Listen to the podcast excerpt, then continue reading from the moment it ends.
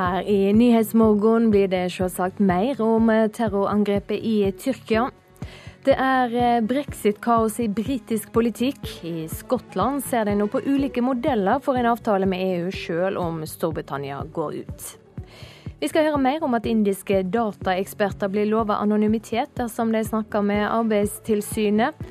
Og en ny levekårsundersøking slår fast at Norge ikke lenger er verdens beste land å bo i.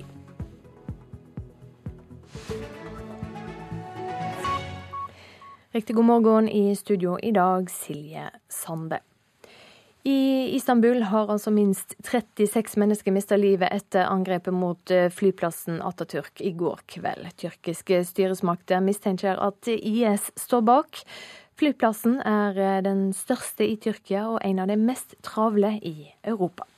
I was waiting for the, the flight to Tokyo, and suddenly that vast amount of the people gather together to run away from the about the, the security area towards to the, the.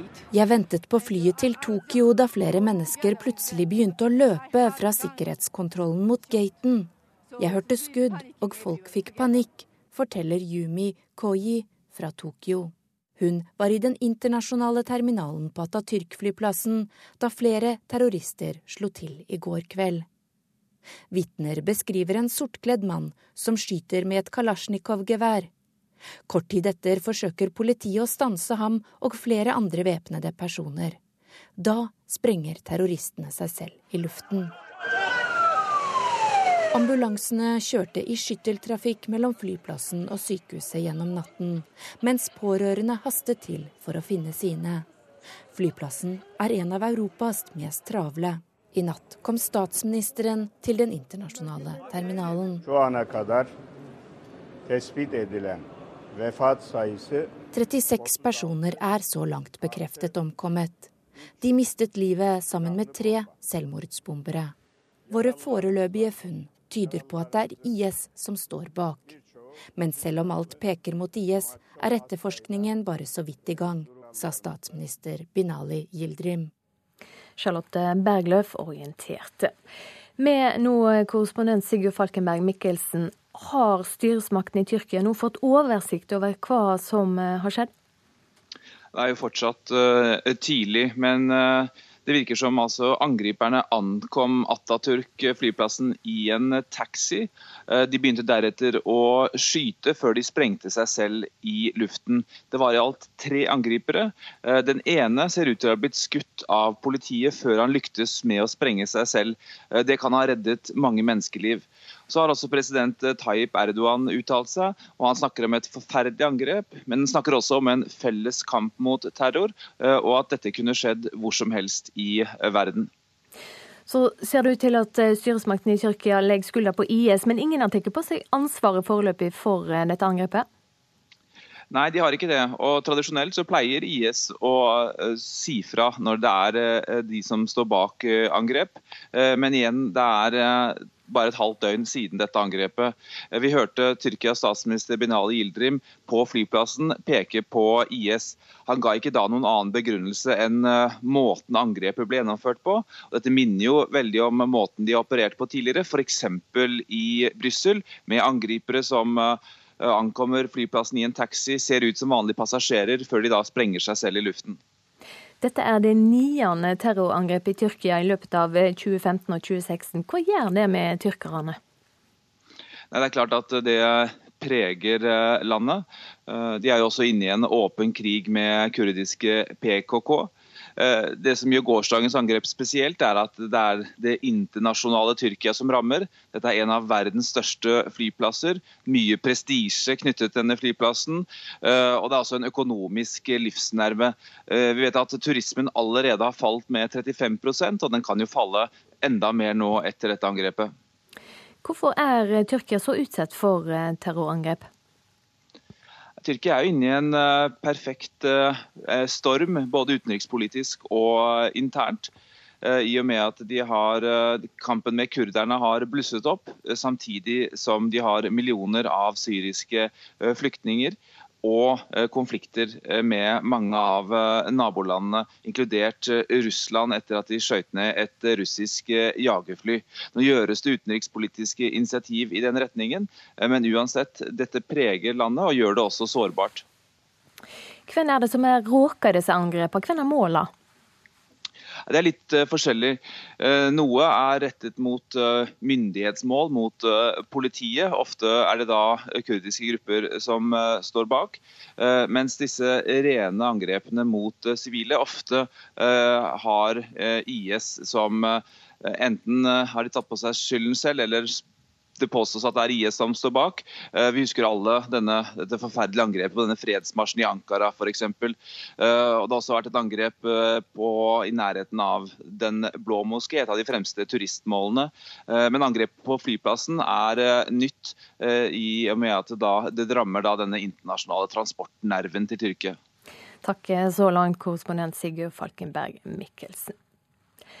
Så skal vi høre at eh, Skottland kommer til å få en avtale med EU, selv om Storbritannia trekker seg ut.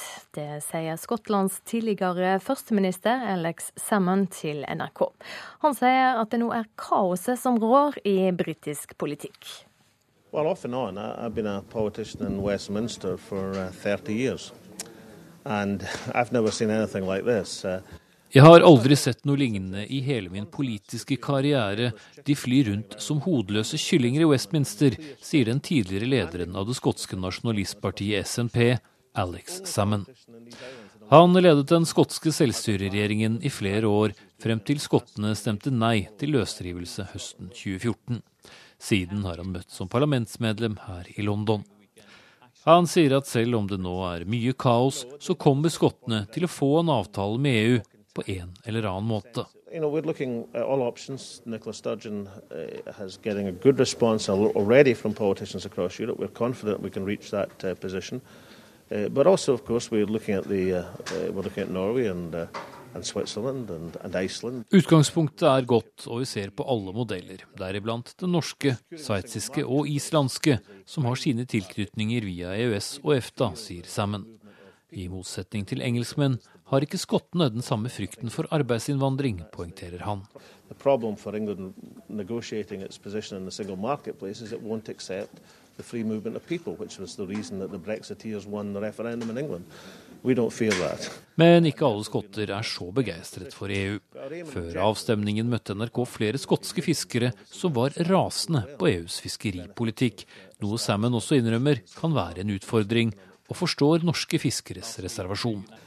And it's true that fishermen everywhere across Europe don't like the common fisheries policy, and they've had many legitimate grievances. And, uh, and, uh, and Norwegian fishermen will understand that, uh, and probably fear of the common fisheries policy is one of the key reasons which has kept Norway out of the, of the European Union.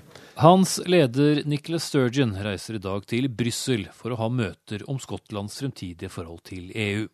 Det skotske nasjonalistpartiet har også satt ned en egen ekspertgruppe for å jobbe med nettopp EU-spørsmålet. Tanken om et løsrevet Skottland fra Storbritannia nevnes ofte om dagen, og uavhengighetsforkjemperen Salmon mener det nå snart er innenfor rekkevidde. Oh, I've uh, been confident that uh, the, the destination is Scottish independence. Uh, what's almost been an argument is the timescale, and I think that timescale is now considerably closer. Men hans etterfølger som partileder Nicholas Sturgeon vil garantert ikke sette i gang med noen ny folkeavstemning før hun er helt, helt sikker på å vinne den. Espen Aas, London. Arbeidstilsynet lover indiske VIPS-arbeidere og IT-konsulentene som jobber for Norgesgruppen full anonymitet dersom de informerer om mulige lovbrudd. Samtidig iverksetter Norgesgruppen sin egen gransking av den indiske underleverandøren. Dersom de indiske arbeidstakerne frykter for jobbene sine, vil det bli krevende å komme til bunnen i denne saka. Det sier regiondirektør i Arbeidstilsynet, Ørnulf Halmrast. Vi eh, vil aldri eh, gå ut med hva enkeltpersoner eh, gir oss av informasjon i slike saker. En rekke indiske IT-arbeidere NRK har snakket med, sier de er livredde for represalier hvis de forteller om forholdene de jobber under i Norge.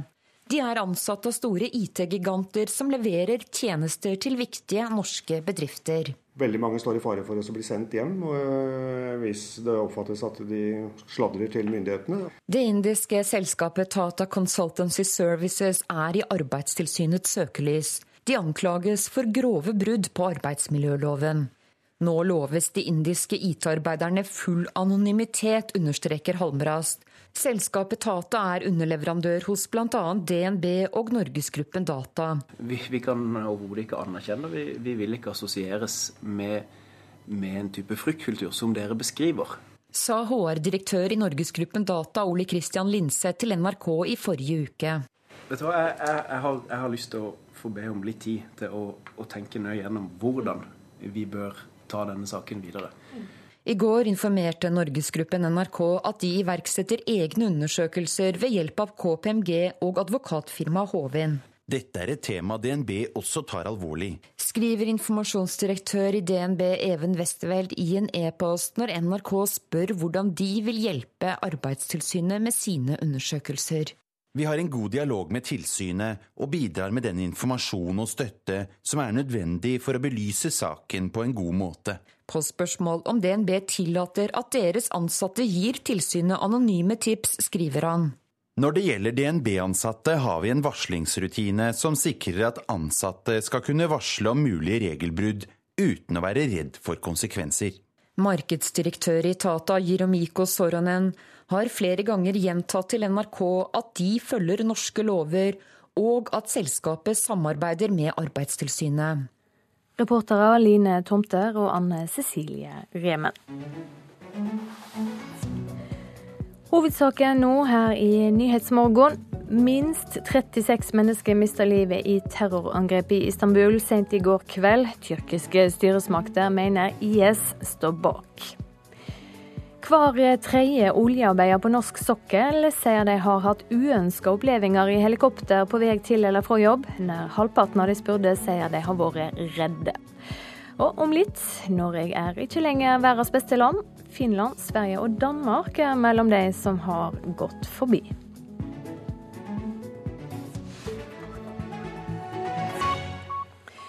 Vi skal eh, tilbake til eh, Tyrkia nå, etter at minst 36 mennesker altså ble drept i terroråtaket mot eh, flyplassen i Istanbul i går kveld.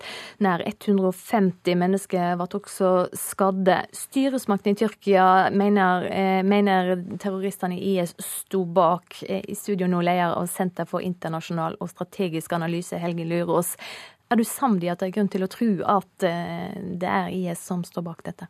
Ja, det er nok mest, aller mest sannsynlig at det er eh, IS. Det er jo også andre grupperinger som bedriver terror i Tyrkia, men måten det er gjennomført på, eh, det faktum at det er gått direkte på et sivilt, eh, tungt, også symbolsk mål som flyplassen i Istanbul, tyder vel på at det er IS eller muligens Al Qaida, men de har jo også mye mindre kapasitet i Tyrkia enn det IS har. Ja, hva er det som kjennetegner eh, IS-åtak? Det vi har sett i løpet av de siste månedene og for så vidt årene, er disse sammensatte angrepene. Det er gjerne flere personer involvert, og så bruker de både våpen og sprengstoff. Eh, men nå er det jo fullt mulig å kopiere det for andre. Al Qaida, lignende grupper, har gjort det samme. Men når det gjelder å ha den kapasiteten og gå så direkte på sivile mål som de gjør her i Tyrkia, så tyder veldig mye på at det er IS også, med tanke på selvfølgelig at eh, de har hovedsete i Syria, som er et naboland til Tyrkia. Du nevner Al Qaida. Hvem andre er det som kan tenkes å stå bak? Det kan jo tenkes at det er eh, grupper tilknytta kurdiske separatister. Men uh, de har stort sett forsøkt å angripe tyrkiske myndighetsmål, altså uniformerte mål som politi og militære. Og jeg tror også at de vil være veldig forsiktige med å få dette terroriststempelet på seg i en situasjon hvor de forsøker å få anerkjennelse for sin egen kamp. Så selv om de nok har kapasitet til å gjøre det, så tviler jeg veldig sterkt på at det er kurdiske grupper som, som har stått bak. Det er jo også andre typer terrorgrupperinger eh, knytta til eh, venstre, radikale grupper som har gjennomført terrorangrep i i Tyrkia tidligere, men det har gjerne vært av mye mindre omfang enn det vi ser her. Ja, Det har jo vært en rekke terroråtak i Tyrkia de siste par åra. Hvordan vurderer du trygghetssituasjonen i landet nå? Det, det, har vært mange terroraksjoner, som du sier. Det, jeg tror det kommer til å bli flere terroraksjoner også framover i Tyrkia. Også pga. den intensiverte kampen som tyrkiske myndigheter nå har begynt å føre mot, uh, mot, IS. Og den svekkelsen IS har på bakken både i Syria og Irak, så vil de nok eh, slå tilbake med terroraksjoner, inkludert uh, mot Tyrkia. Men når det er sagt uh, vi snakker om et veldig stort land. Det er åtte millioner innbyggere i Tyrkia. Eh, det er nok ikke sånn at eh, livet i Tyrkia kommer til å stoppe opp, eller at sannsynligheten for å bli utsatt for et terrorangrep i Tyrkia kommer til å være veldig stor. Men at vi med jevne og ujevne mellomrom vil måtte høre om terror i Tyrkia framover også, det tror jeg nok er dessverre ganske sikkert. Takk for at du kom i studio til oss, eh, Helge Lurås, leder av Senter for internasjonal og strategisk analyse.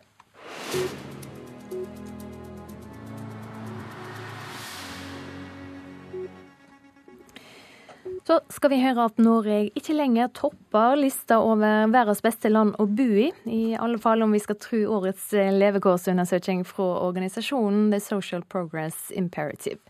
Norge har fallet fra første til sjuendeplass siden i fjor. Det er ikke overraskende, sier folk på gata i Oslo. Nei, det syns jeg overhodet ikke. Man kan ikke ligge øverst hele tida? I hvert fall ikke nå som det har vært så mye fokus på psykisk helse og sånn blant unge. da. At det er kanskje at folk er litt bevisste på det. Det høres ut som en ting hvor vi ligger såpass nærme de øverste at det uansett ikke har noe å si. Og nettopp det er noe av poenget. For vi daler fra første til sjuendeplass på lista, som tar for seg sosial utvikling i 133 av verdens land. Men det er likevel ikke langt til toppen, mener Anders Barstad, som forsker på levekår hos Statistisk sentralbyrå. Den viser jo at vi har veldig gode levekår i, i Norge. At vi er langt framme sosialt sett. Og avstanden opp til toppen til Finland er, er veldig, veldig, veldig, liten. For det er Finland som troner på toppen, mens både Danmark og Sverige ligger over Norge. Forskere fra flere eliteuniversiteter står bak undersøkelsen til Social Progress Imperative, som er finansiert av en rekke internasjonale selskaper som Cisco, Deloitte og Rockefeller Foundation. Norge gjør det bra på punkter som kriminalitet, tilgang til rent vann og andelen som bruker mobiltelefon og internett, men på andre områder kommer vi dårligere ut. Eksempler på det kan jo være selvmordsraten, som, eh, som ikke er sånn spesielt eh, lav. Vi har eh, mange som har slitt med overvekt. Vi har lavere biodiversitet, altså naturmangfold. Pluss at vi også har Det er jo også en god del land som slår oss når det gjelder levealder, faktisk. Finland kommer derimot vel så dårlig ut som Norge på enkelte av punktene, og særlig har de høy selvmordsrate. Litt overraskende er det derfor at de nådde toppen, mener forskeren. Det er ikke overraskende at et av de nordiske landene topper. Eh, men det er litt overraskende forhold hvis du sammenligner med Human Development Index, altså FN-indeksen, der Norge blir kåret til det beste landet, så er eh, Finland helt nede på 24.-plass. Mens altså på denne indeksen så er det på førsteplass. Om vi når toppen igjen på nytt til neste år, er det derimot litt ulike meninger om ute på gata. Må vi det? Jeg tror Norge fort kan ta tilbake den førsteplassen, for å si det sånn. Absolutt. Hvorfor det? Nei, Det må jo være fint å være verdens beste land å bo i. Reportere her Kari Stokke Nilsen og Randi Midtskog. Med oss nå fra Finland, Sanna Saroma. Du er historiker med doktorgrad i sosiologi og har bodd både i Norge og Finland. Hva er det som skiller to land, slik du ser det? Altså, jeg syns det, det, er veldig lite som skiller Norge og Finland. Stort sett er begge veldig like samfunn som er bygd etter de samme prinsippene. Altså, de er nordiske velferdsstater.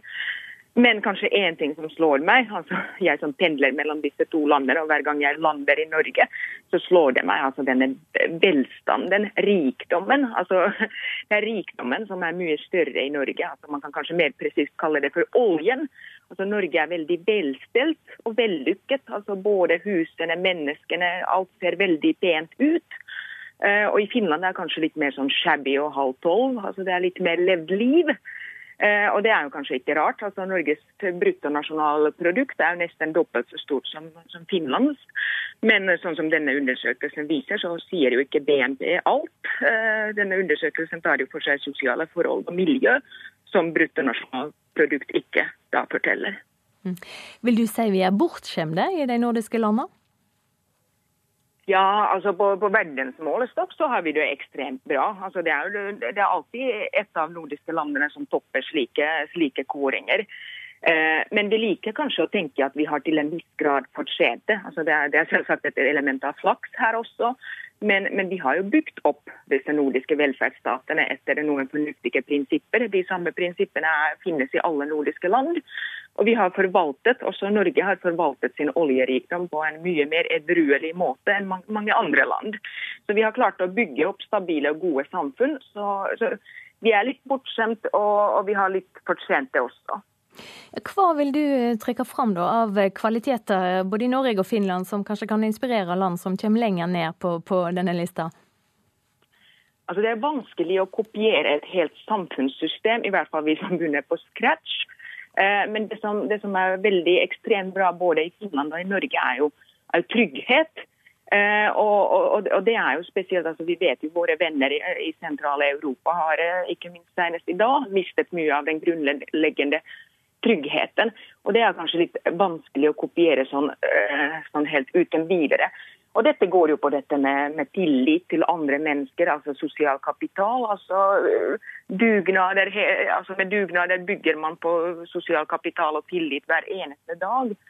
Eh, men, men samtidig, altså Ja, altså at Dette er jo som sagt, altså det er ikke så, ikke så lett å, gjøre det samme nå i Belgia, i Frankrike, i Tyrkia som det er i Finland og i Norge. Altså at her har vi hatt flaks også.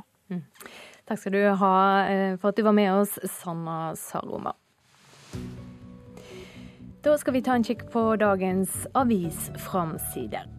Ferien ble til et mareritt, skriver VG om angrepet på flyplassen i Istanbul. Den tyrkiske flyplassen er en av de ti mest trafikkerte i verden.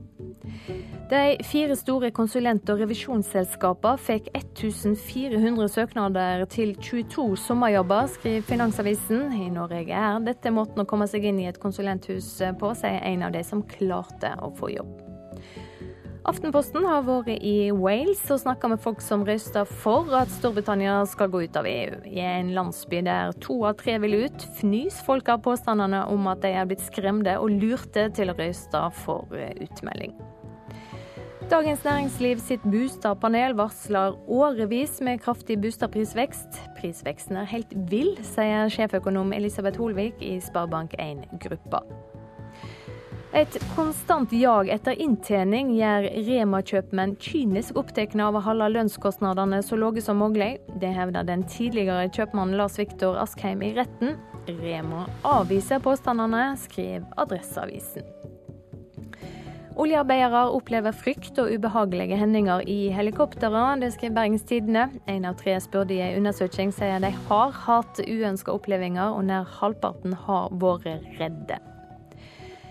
Forsvarsminister Ine Eriksen Søreide avviser Syria-kritikken i eh, Dagsavisen. I et intervju med avisa snakker hun både om tilhøvet til Russland, mangel på åpenhet rundt norske utenlandsbidrag og muligheten for at det kan bli skarpe oppdrag i Syria. Og Vårt Land har møtt en kristen frivillig som kjemper mot de ekstreme terroristene i IS. Anders Høgstrøm har reist til Nord-Irak for å slåss. Som kristen mener jeg at en skal stå opp for sine kristne brødre og søstre, sier pinsevennen fra Karlskrona. Regjeringa vil ha fritt kjøp av leiejord. Det er svært dramatisk at investorer kan kjøpe opp store areal, sier generalsekretær i Bondelaget Per Skorge til Nasjonen. Dagbladet har snakka med OL-helten Ådne Søndrål. Skøyteløperen gikk på rumpa flere ganger både på skøytebanen og i forretningslivet. Nå tjener han gode penger og forteller om den tøffe tida, familien og det nye livet.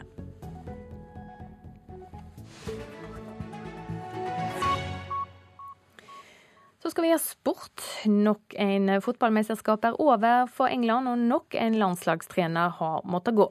Denne gangen var det Roy Hodgson sin tur. Det er 50 år siden England sist gang vant en internasjonal mesterskap. Likevel tror Hodgson at hans etterkommer vil kunne føre England til topps i en mesterskap i løpet av kort tid. Yes, I think so. I think that this group of players here, mature, Jeg tror at når disse unge spillerne får mer erfaring, vil de vise at de fortjener en plass på landslaget. Jeg er sikker på at de vil gjøre det bra i et senere mesterskap. Det sa Roy Hodgson på en pressekonferanse i går. En pressekonferanse han helst ikke ville vært en del av.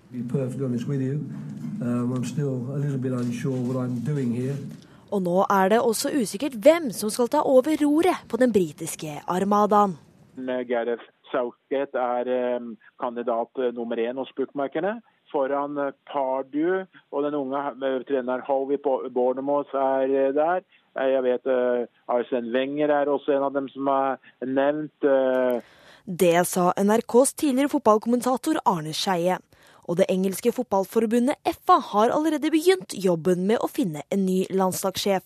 Uansett bør svaret komme snart. Det er jo ikke veldig lenge til første kvalifiseringskamp for VM 4.9, så det er ikke så lang tid FA har på seg for å få en ny landslagssjef på plass. Men Skeie tror det må flere endringer til for å løfte England til nye høyder. Det er noe med det mentale i, i eh, sluttspillene, i turneringsspillene, som ikke fungerer. Vi så det foran eh, Brasil, relativt bra i kvalifisering. Vi så i kvalifiseringen nå, eh, veldig bra. Men når man kommer til, til sluttspill, så fungerer det ikke. Reporter her, det var Marte Nyløken Helseth.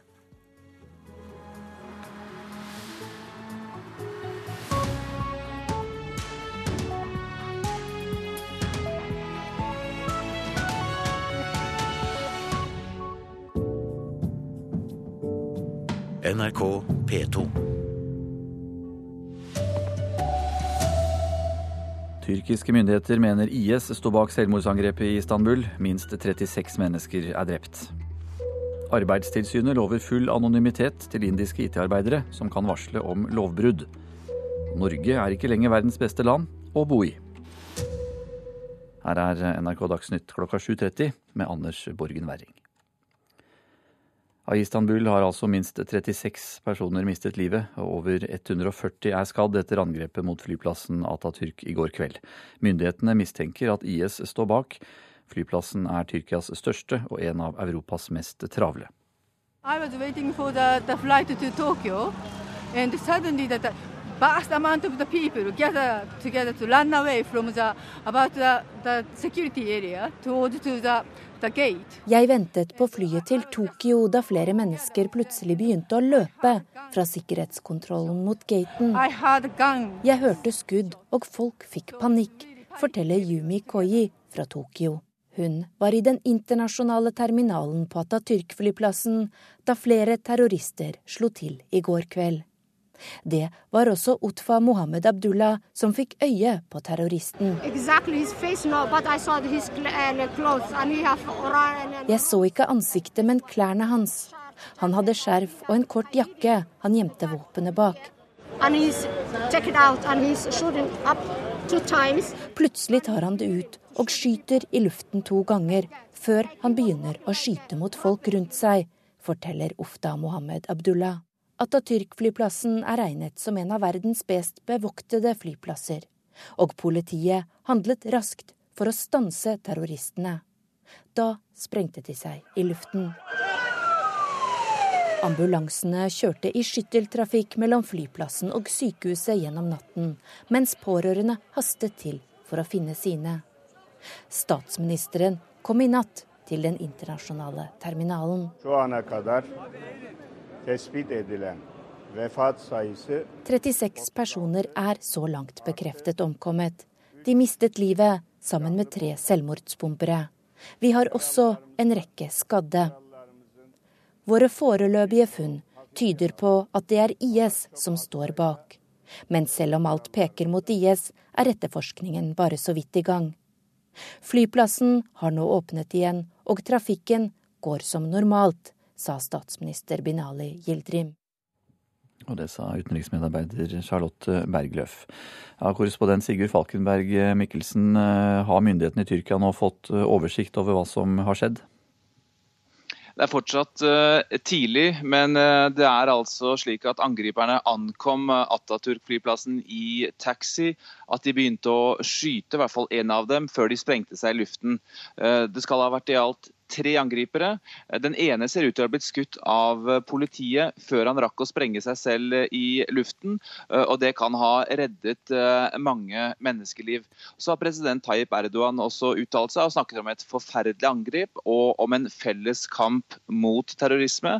At dette var et angrep mot de nesten 80 millioner tyrkere, men også mot resten av menneskeheten. Og Så hører vi at mistankene rettes mot eh, IS. Eh, hvor sikre er myndighetene på at det er denne terrorgruppa som eh, står bak? Nei, vi hørte jo statsminister Binali Yildirim peke på IS. Han ga ikke noen tydelig begrunnelse annet enn at metoden minner om IS. Og vi tenker f.eks. på Brussel, hvor du ser noe av den samme metodikken. De Angriperne ankom i taxi som vanlige passasjerer, før de da eh, sprengte seg selv i luften og gikk til angrep på flyplassen. Tidligere så har de fleste terrorangrepene som har vært direkte knyttet uh, mot sivile institusjoner, også uh, blitt, uh, blitt, sagt at det er IS. IS har selv ikke tatt på seg skylden, mens de angrepene som kurdiske grupperinger står bak, har ofte vært mer rettet mot politiinstitusjoner. Det har altså vært flere terrorangrep i Tyrkia det siste året. Hva gjør dette med tyrkerne? Det er klart at det preger landet. Eh, de er jo i tillegg i åpen krig med kurdiske PKK. Men gårsdagens angrep var spesielt fordi det angrep eh, det, det internasjonale Tyrkia. Eh, en av verdens største flyplasser. Det er også mye prestisje knyttet til dette. Og vi vet at turismen allerede har falt med 35% og det kan gå enda dårligere med turismen nå. Så dette angrepet kommer til å prege Tyrkia i lang tid. Takk skal du ha, Sigurd Falkenberg Mikkelsen. Andre nyheter nå. Arbeidstilsynet lover at indiske IT-konsulenter får full anonymitet hvis de har informasjon om lovbrudd. Etter NRKs avsløringer har også Norgesgruppen bedt om ekstern hjelp til å granske arbeidsforholdene til de indiske arbeiderne. Hvis de indiske arbeiderne frykter for jobbene sine, så er det vanskelig å komme til bunns i denne saken, sier Arbeidstilsynets regiondirektør Ørnulf Halmrast. Vi vil aldri eh, gå ut med hva enkeltpersoner eh, gir oss av informasjon i slike saker. En rekke indiske IT-arbeidere NRK har snakket med, sier de er livredde for represalier hvis de forteller om forholdene de jobber under i Norge.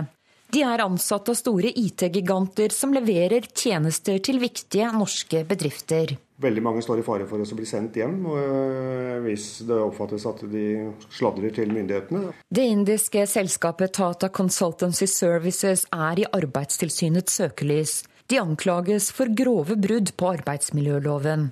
Nå loves de indiske IT-arbeiderne full anonymitet, understreker Halmrast. Selskapet Tata er underleverandør hos bl.a. DNB og Norgesgruppen Data. Vi, vi kan overhodet ikke anerkjenne, vi, vi vil ikke assosieres med, med en type fryktkultur som dere beskriver. Sa HR-direktør i Norgesgruppen Data Ole Christian Linseth til NRK i forrige uke. I går informerte Norgesgruppen NRK at de iverksetter egne undersøkelser ved hjelp av KPMG og advokatfirmaet Hovin. Dette er et tema DNB også tar alvorlig skriver informasjonsdirektør i DNB Even Westerveld i en e-post til NRK. Vi har en god dialog med tilsynet og bidrar med den informasjon og støtte som er nødvendig for å belyse saken på en god måte. Markedsdirektør i Tata, Jiromiko Soronen, har flere ganger gjentatt til NRK at de følger norske lover, og at selskapet samarbeider med Arbeidstilsynet. Reportere Line Tomter og Anne Cecilie Remen. Politiet i Tromsø er i ferd med å rulle opp en rekke store narkotikasaker. Det er gjort flere beslag av amfetamin. Det største er på åtte kilo og har en gateverdi på over tre millioner kroner. Flere personer er varetektsfengslet, sier seksjonsleder på kriminalavdelingen ved Troms politidistrikt, Yngve Myhrvold. Det vi ser at det er involvering fra østeuropeiske aktører da, i samarbeid med nordmenn. Det er flere som er varetektsfengsla, og det er både kurerer, det er folk fra eh, leverandør- og mottakerledd. Hvor alvorlig er det når dere kommer over så store parti? Ja, Når vi snakker partier oppe på dette nivået, så er det jo eh, noen av de største beslagene som har vært gjort i, i Nord-Norge. Um, Og da er jo spredningsfaren eh, betydelig. Intervjuer her, det var Øystein Antonsen. Norge faller fra første til sjuende sjuendeplass på lista over verdens beste land å bo i. Det viser en fersk levekårsundersøkelse som har eh, tatt for seg sosial utvikling i 133 land. Det er ikke overraskende, mener folk på gata i Oslo. Nei, det syns jeg overhodet ikke. Man kan ikke ligge øverst hele tida? Nei, jeg tror egentlig ikke det. Det høres ut som en ting hvor vi ligger såpass nærme de øverste at vi uansett ikke har noe å si. Og nettopp det er noe av poenget. For vi daler fra første til sjuendeplass på lista som tar for seg sosial utvikling i 133 av verdens land. Men det er likevel ikke langt til toppen, mener Anders Barstad, som forsker på levekår hos Statistisk sentralbyrå. Den viser jo at vi har veldig gode levekår i, i Norge. Og avstanden opp til toppen til Finland er, er veldig, veldig, veldig liten. For det er Finland som troner på toppen, mens både Danmark og Sverige ligger over Norge.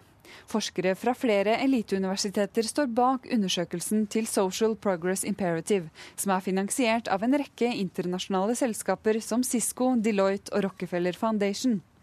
Norge gjør det bra på punkter som kriminalitet, tilgang til rent vann og andelen som bruker mobiltelefon og internett, men på andre områder kommer vi dårligere ut. Eksempler på det kan jo være selvmordsraten, som, eh, som ikke er sånn spesielt eh, lav. Vi har eh, mange som har sliter med overvekt. Pluss at vi også har Det er jo også en god del land som slår oss når det gjelder levealder. Om vi når toppen igjen på nytt til neste år, er det derimot litt ulike meninger om ute på gata. Må vi det? Jeg tror Norge fort kan ta tilbake den førsteplassen, for å si det sånn. Absolutt. Nei, det må jo være fint å være verdens beste land å bo i. Reportere i eh, denne saken det var eh, Kari Stokke Nilsen og Randi Midtskog. Det var eh, NRK Dagsnytt i denne omgang. I dag så er det Elin Pettersen som har ansvaret for Dagsnytt.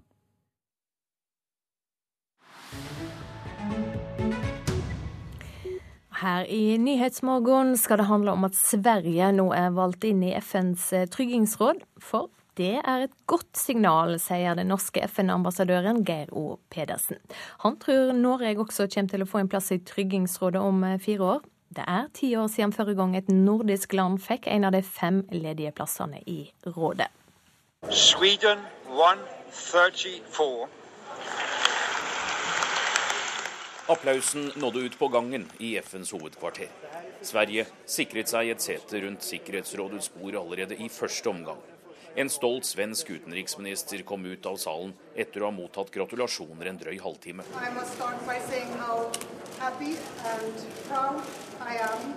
Margot Wallstrøm sier at Sverige vil jobbe for fred og sikkerhet når de inntar Sikkerhetsrådet om et halvt år. Spesielt fokus vil de ha på klimautfordringer som truer sikkerheten i verden, og kvinner i konflikt. To uh, work in a transparent vi skal snakke med land, ikke om dem, sier Wallstrøm, som så får spørsmål om hva en kan vente seg i New York neste toårsperiode, siden Sverige har anerkjent Palestina som stat. Wallstrøm har også nylig vært i diplomatisk strid med Saudi-Arabia og på kant med andre arabiske regimer. Vi tar med oss våre posisjoner, sier Wallstrøm. Svenskene vil samtidig arbeide for en tostatsløsning, fred og sikkerhet for både Israel og palestinerne, når denne type spørsmål havner i Sikkerhetsrådet, sier hun. Valgkampen har pågått i flere år, og den svenske utenriksministeren har vært her i New York i innspurten de fem siste dagene. En av de håndskrevne stemmene kommer fra Norge. Det forteller FN-ambassadør Geiro Pedersen på vei inn. Vi har jo en gammel tradisjon for nordisk samarbeid. Vi har hatt en eh, såkalt nordisk rotasjon. Og nå er det Sveriges tur, så det eneste jeg kan si til deg, er at eh, Sverige får min stemme i dag. Ellers så kommenterer vi ikke hva vi, hva vi stemmer, fordi det er, det er hemmelige, såkalt hemmelige valg i FN. Det er ti år siden sist Norden var representert i Sikkerhetsrådet. Både Finland og Island har gjort forsøk, men ikke fått nok stemmer. Norge jobber også for en plass om fire år. Ambassadør Pedersen kommenterer utsiktene og Norges profil på denne måten. Det vil være et godt signal om at eh, Norden igjen er tilbake, at eh, svenskene blir valgt inn. Eh, uavhengig av resultat så tror jeg vi står veldig sterkt om fire år. Og Det gjør vi fordi vi har en helt særegen stilling innenfor FN. Vi, eh, vi, er, vi er vel kanskje det tydeligste landet når det gjelder støtte til FN på de viktigste områdene. Det andre er jo at vi er kjent for å være at vi står ved våre ord. At uavhengig av regjering så følger vi opp våre lovnader til FN. Og vi i det hele tatt bidrar til å gjøre FN bedre. Norges kjente konkurrenter til to ledige plasser i 2021 er Irland og Canada. Anders Tvegård, New York. Hovedsaken nå her i Nyhetsmorgen. Tyrkiske styresmakter mener IS står bak terrorangrepet i Istanbul sent i går kveld. Minst 36 mennesker mista livet. Arbeidstilsynet lover at indiske IT-konsulenter får full anonymitet dersom de forteller om lovbrudd. Og hver tredje oljearbeider på norsk sokkel sier de har hatt uønska opplevelser i helikopter på vei til eller fra jobb. Nær halvparten av de spurte sier de har vært redde.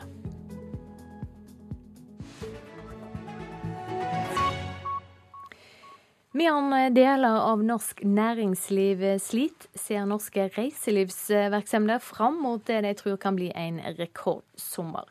Velkommen hit, administrerende direktør i NHO Reiseliv, Kristin Krohn Devold. Tusen takk for det, og god forsommer. I Økonomibarometeret som deler fram for en stund siden, sa 30% av reiselivsbedriftene at de tror denne sommeren blir bedre enn rekordsommeren i fjor. Hva er grunnen til den store optimismen?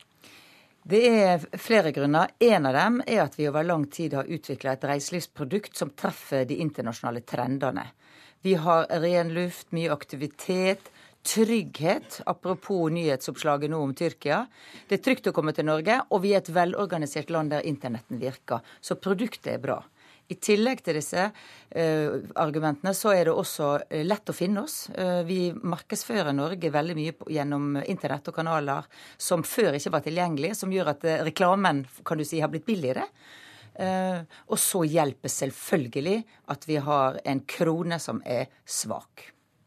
Ja, La oss ta det med kroner. Gjør kronekurs og vanskelige økonomiske tider at, at, en del av oss eh, heller vil å feriere i England enn å dra utenlands?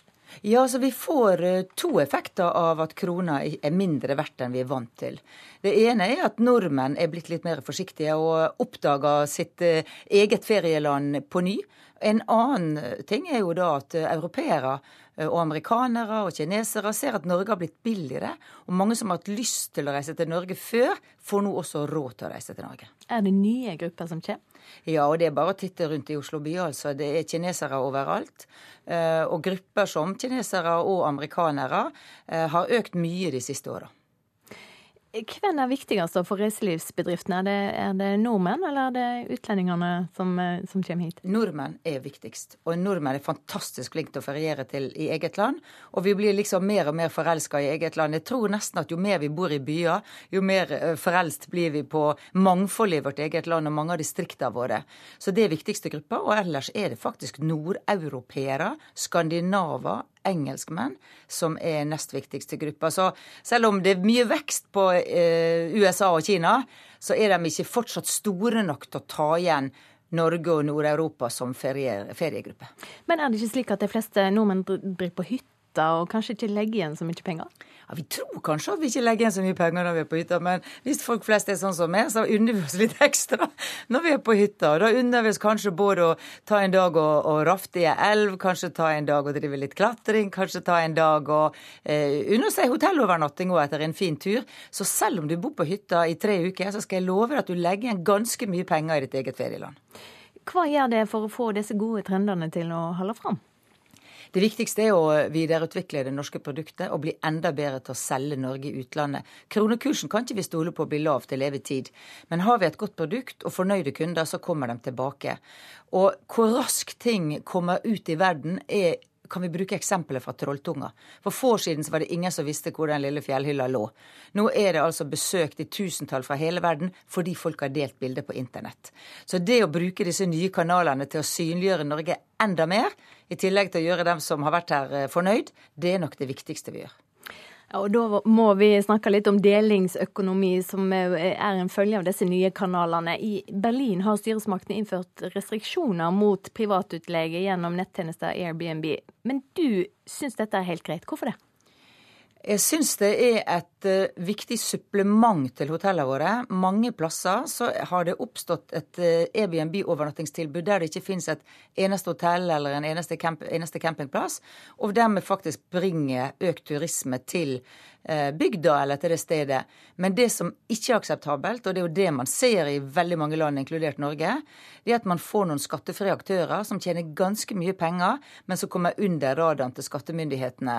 Og da svekker du eksisterende arbeidsplasser og gjør hotellarbeidsplasser utrygge.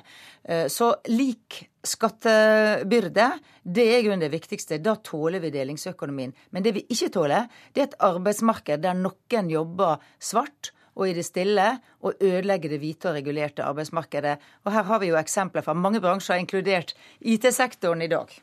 Du er ikke redd for at det, at det, at du sender ut et slikt signal, at det undergraver de bedriftene du har som medlemmer? Vi diskuterer jo dette veldig nøye i vårt eh, styre, og det er faktisk også en del av mine medlemmer som tester ut Airbnb i tillegg til det de har. Det er hotell som har lagt ut rom på Airbnb for å teste det ut. Og Det de egentlig melder tilbake, det er at det er ikke veldig stor forskjell på Airbnb-kanalen og det som er en alminnelig bookingkanal for et hotell eh, i en av våre hotellkjeder. Den store forskjellen er ikke produkt, den store forskjellen er skatt. Og Herfor er det skattemyndighetene vi understreker må, må hive seg rundt og sørge for at det blir lik skattebyrde, og ikke minst også at man er sikker på at det blir lett å betale skatt for arbeidstakerne, slik at det ikke blir en svart økonomi. Har hotellene endra sin tilnærming til markedet etter at eh, delingsøkonomien kom? Ja, det er ikke tvil om at eh, de investeringene som både hotell og fergeselskap og sånn nå putter inn i eh, digitale løsninger, gode bookingsystemer, handler om å være helt på topp med det man tilbyr gjennom eh, Airbnb. Og det å ikke være digital og ikke være produktiv, det kan ingen overleve med. Vi, samme, vi ser det samme i, i drosjenæringa. Taxiappene til eh, etablerte selskap som Norges Taxi og Oslo Taxi blir bedre og bedre. Og det er jo fordi man har sett hva Uber kan få til med sin uh, booking-app. Og det det dreier seg om her, det er å ha gode digitale løsninger. Uh, og i grunnen så er vi etter hvert mer og mer delingsselskap alle sammen. Vi kan ikke snakke om reiseliv uten å komme inn på eh, den kanskje litt tunge oppkjøringa til årets sommersesong med langvarig hotellstrek og innføring av flypassasjeravgift, som, som det har vært svært kritiske til. Hva konsekvenser mener du disse sakene får for norsk eh, reiseliv? Hvis vi skal begynne med flypassasjeravgifter, så er det ikke tvil om at når vi har et internasjonalt eh, luftfartsmarked med kvoter, så betyr nedgang i norsk flytrafikk, for det blir dyrere å fly i Norge, kun at det blir større kvoter tilgjengelig for de andre landene i Europa. Så det har ingen miljøeffekt. Men det det derimot har effekt på, det er prisen på flygninger til Norge og i Norge. Og fordi det er tøff konkurranse internasjonalt om de reisende, så betyr det at det å reise da til England, som nå har billig pund, eller reise til Sverige eller Danmark, det blir billigere for de ferierende, det blir billigere for kineserne. Og det er det siste vi vil når det gjelder norsk reiseliv, for vi må inn og lage flere arbeidsplasser for å kompensere for nedgangen i oljesektoren. Men blir ikke det utlikna av det du var inne på i stad, at eh, folk oppdager Norge og ser at, eh, at de ønsker å komme? Jo, men prisen er også følsom, så produktet i seg selv er ikke nok. Reiselivsmarkedet er et av de mest prisfølsomme i verden. Og får vi da eh, For folk som skal ha både tre og fire flystrekk for å se både Nord-Norge, Vestlandet og Østlandet, eh, og de skal ha tur og retur, så blir prisen da akkurat for høy til at det blir interessant å komme Norge. Merker det konsekvenser av hotellstreiken? Heldigvis ikke så mye. Det vi merka, det var selvfølgelig at de 20 hotellene som måtte holde stengt i disse ukene, de fikk jo en kraftig kutt i sine inntekter i, i 2016, og vil garantert merke det på resultatet. Vi blir ordentlig skadelidende på resultatet. Men de hotellene som klarte å holde åpen, og det var 680 hotell av 700 hotell, klarte å komme seg gjennom streiken rimelig greit, fordi de klarte å ta imot gjestene, selv om gjestene fikk et litt enklere frokosttilbud. Det som ville vært farlig, det var hvis streiken varte helt inn i sommerferien, slik at vi fikk et dårlig internasjonalt renommé. Vi tror at vi klarte å avslutte den så tidlig at renommeet vårt uh, i hvert fall ikke er ødelagt, selv om det nok er litt skadd nå fremover. Helt kort til slutt, ditt beste norske reisetips? Nei, jeg er blitt uh, veldig frelst på, uh, på Nord-Norge. Og det er fortsatt så utrolig mange nordmenn som ikke har vært der. Uh, og når du ser at hele verden strømmer til Nord-Norge for å se midnattssola om sommeren og, og nordlyset om vinteren, så vil jeg bare si at er du norsk, så er det skam å ikke ha sett Nord-Norge. Takk for at du kom hit til Nyhetsmorgen, Kristin Krone Devold fra NHO Reiseliv.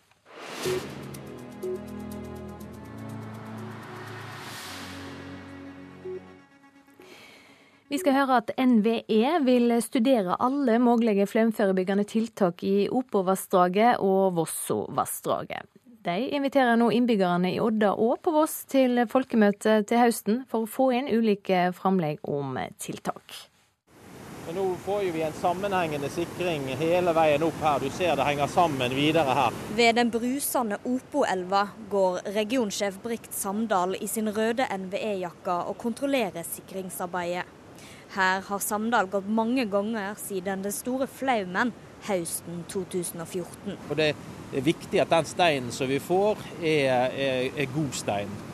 De nødvendige sikringstiltakene er i ruta.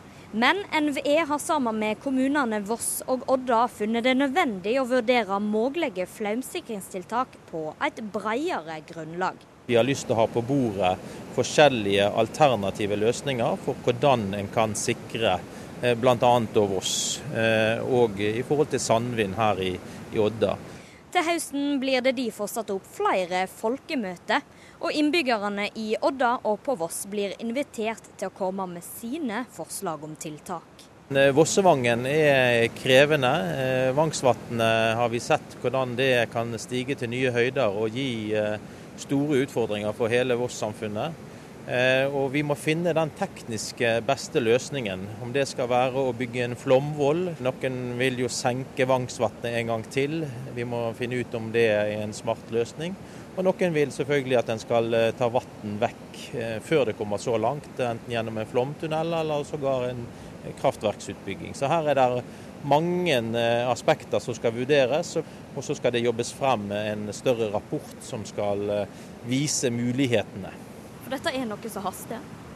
Ja, det er helt klart. Vi ser jo at klimaet forandrer seg, og vi, eh, vi har en del utfordringer fremover som, som, vi antar at dette her eh, er noe som er viktig å ha eh, stor fremgang på for å, å få gjennomført så fort som mulig. Det sa regionsjef i NVE Brikt Samdal til reporter Tale Hausso. For to år siden ble Ingrid Li Malmquist bitten av hoggorm da hun var på sommerferie i Trøndelag. Nå oppmoder hun alle til å ta hoggormbitt på alvor. Hun har fremdeles smerter i foten der ormen sprøyter inn gifter. Jeg gikk på tur med ei venninne, og det var kjempevarmt. Så kjente jeg at nå var det noe som beit meg i leggen. Og så sa jeg det at oi, nå er jeg blitt bitt av huggorm. Og så sa hun jeg gikk med nei.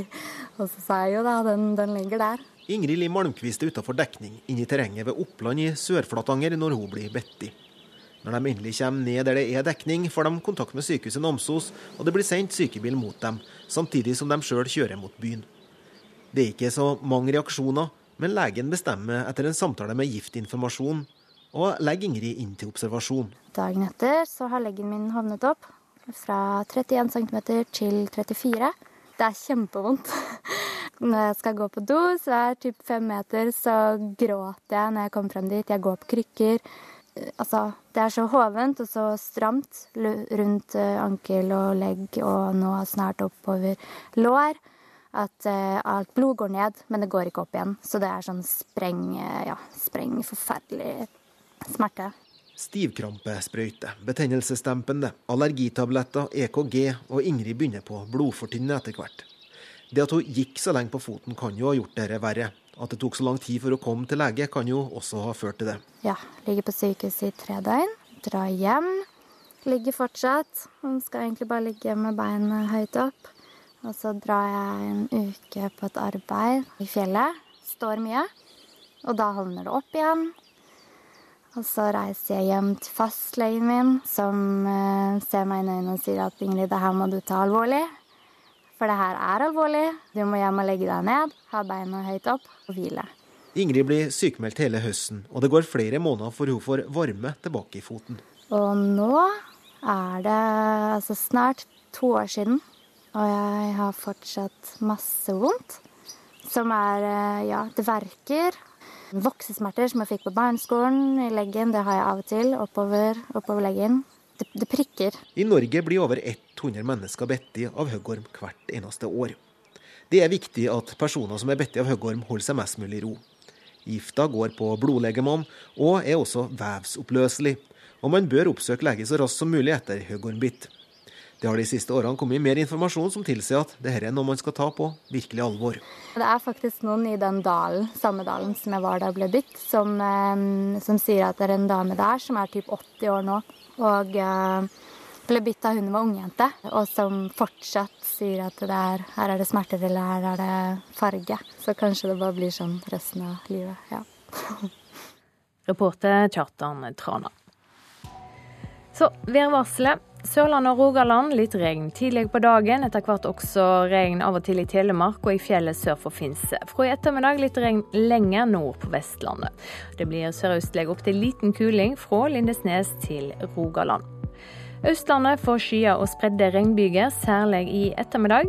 Møre og Romsdal og Trøndelag får det meste opphold og perioder med sol, litt varmere nordøstlig, liten kuling på kysten av Trøndelag. Nordland litt regn nord for Bodø først på dagen, etter hvert delvis skyer opphold. Troms litt regn, fra i ettermiddag stort sett opphold. Finnmark en del skyer og enkelte regnbyger. Kaldere, lokalt over 20 grader i Pasvik. På Spitsbergen blir det for det meste skyer opphold.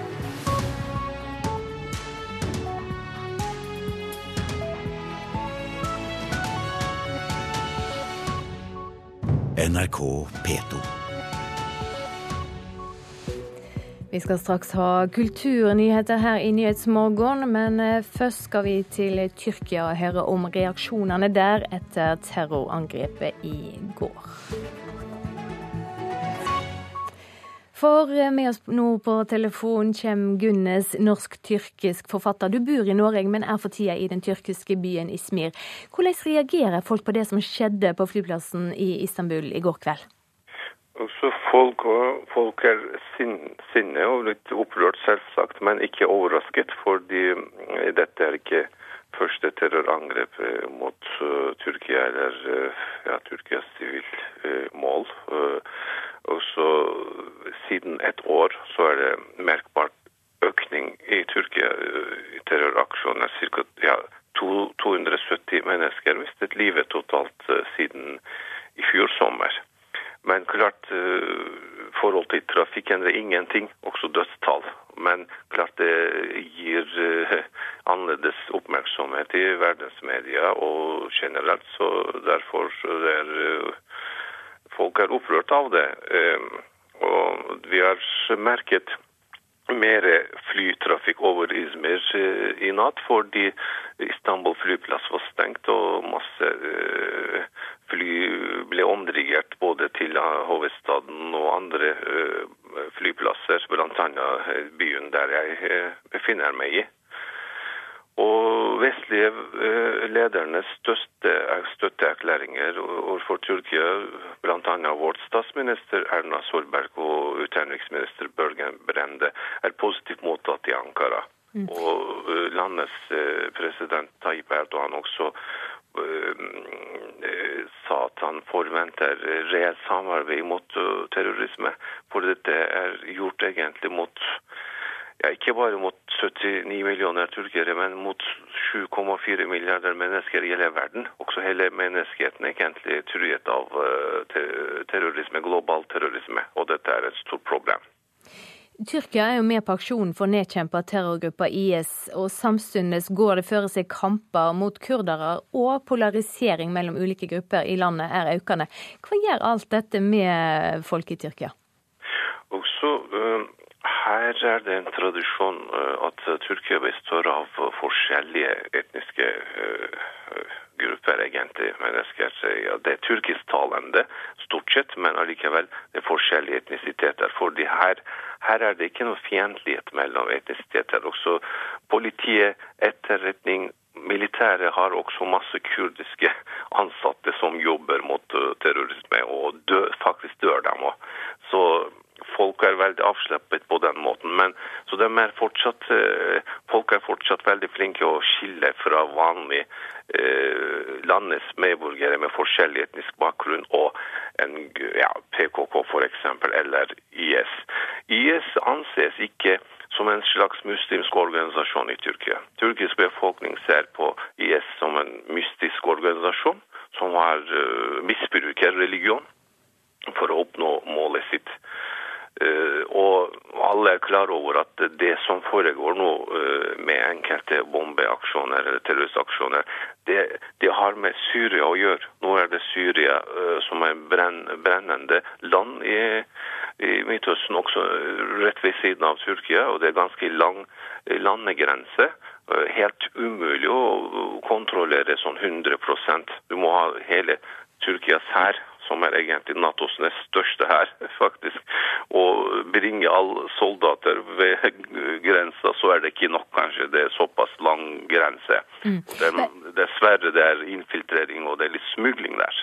Eh, du sier folk flest kanskje ikke er overraska fordi det har vært mange terrorangrep de siste åra. Men hvordan påvirker dette økonomien i Tyrkia? Jeg vil vel tro at turistene kanskje blir redde for å komme?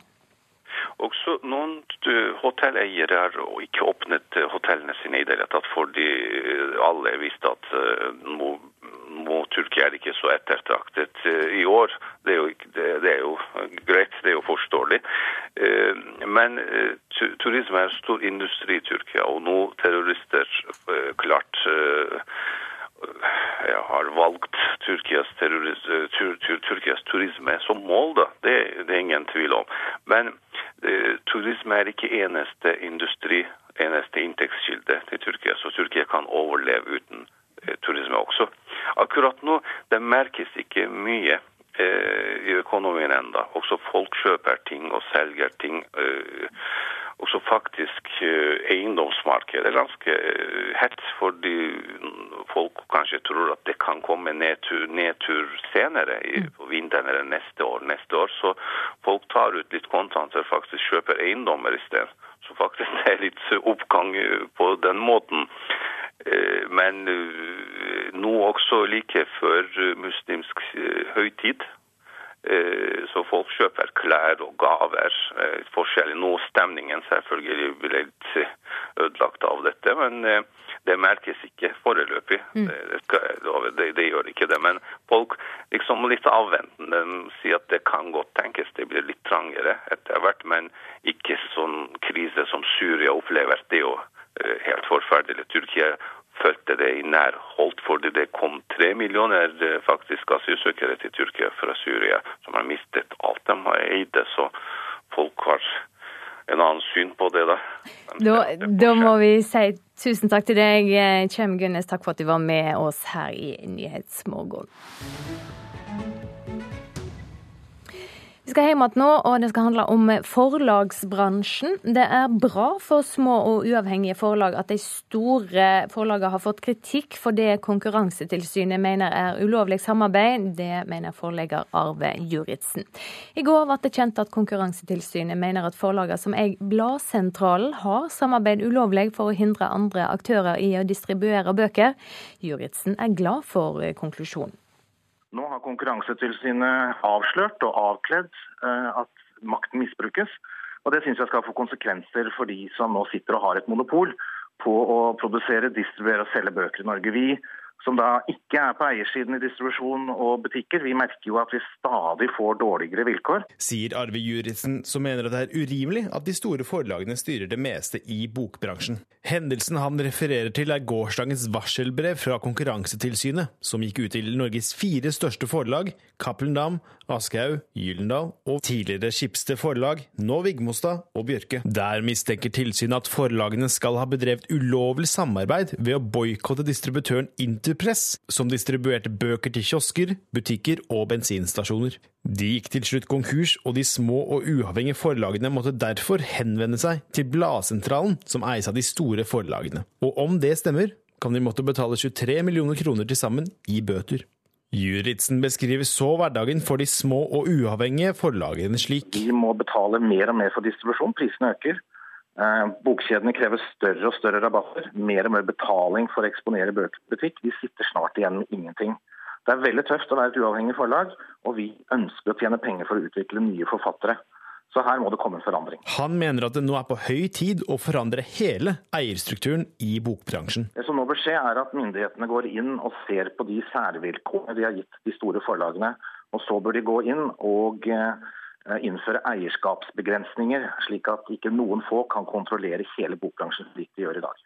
Avdelingsdirektør i Konkurransetilsynet Gjermund Nese sier at de ikke tar lett på saken de har behandlet i to år etter en razzia hos de store forlagene. Denne type samarbeid som denne saken dreier seg om, er et, uh, sett på som et alvorlig brudd på konkurranseloven, og dette ser vi alvorlig på. Forlagssjef i Basar, Øyvind Hagen, som tidligere også benyttet seg av Interpress, er imidlertid litt usikker på anklagen. Nei, for Det virker ikke på meg som bransjen er så til de grader koordinert.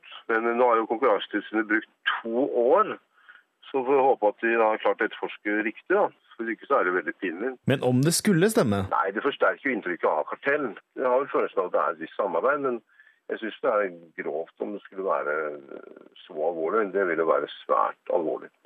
De uavhengige liker ikke at det finnes et bladsentralen som er eid av store konserner. Ingen av de fire forlagene ville stille til intervju i går, men skriver i pressemeldinger at de er uenige i Konkurransetilsynets vurderinger. Det er at Jeg håper at Konkurransetilsynet tar feil og at det er veldig, veldig, veldig, veldig trist om de har rett. Denne reportasjen var laget av Nikolai Voldsdal og Tone Staude. Med meg i studio nå, kulturkommentator Agnes Moxnes. Hvordan er styrketilhøvet mellom de store og de små i forlagsbransjen? Jeg tror ikke det er noe særlig tvil om at det er en kraftig maktkonsentrasjon i Bok-Norge. De tre store, altså Kjente forlag som Aschehoug, eh, Cappelen Dam og Gyldendal har nesten full kontroll på distribusjonen av bøker og direktesalget til bøker. Altså det er de som eier bokhandlerne vi går inn i. Og det medfører at eh, mindre og uavhengige forlag og distribusjonsselskap til dels har vært illsinte på måten de store forlagene har forvaltet makten sin på. Samtidig så har vi en frodig bokbransje i Norge. Jeg tror det kommer ut omtrent mellom 5000 og 6000 bøker i året. det vil Si nesten 20 eller omtrent 20 bøker i uka. Så det er mange forlag som klarer brasene i dette landet. Hva kan gjøres da for å spreie makta mer? Altså, I og med at bokbransjen nyter eh, godt av veldig mange spesialordninger, det er momsfritak på bøker i Norge, det kjøpes årlig inn store mengder med bøker til bibliotekene, og bransjen har delvis unntak fra eh, en del av konkurranselovene, så vil maktspredning bety, som forlegger Arve Juritzen sa i denne reportasjen, at eh, politikerne rett og slett går inn og gir bransjen andre rammevilkår, og det tror jeg ikke bransjen ønsker seg. Men altså varsla millionbøter, hva konsekvenser vil det få for eh, bransjen? Altså Hvis dette vedtaket fra Konkurransetilsynet opprettholdes, det er jo en bot på 23 millioner kroner som skal fordeles på fire forlag, så betyr det selvfølgelig en kraftig økonomisk smell for forlagene rent økonomisk, men kanskje først og fremst, og det mest alvorlige for dem, er omdømmespørsmålet. At de sitter på den gylne gren.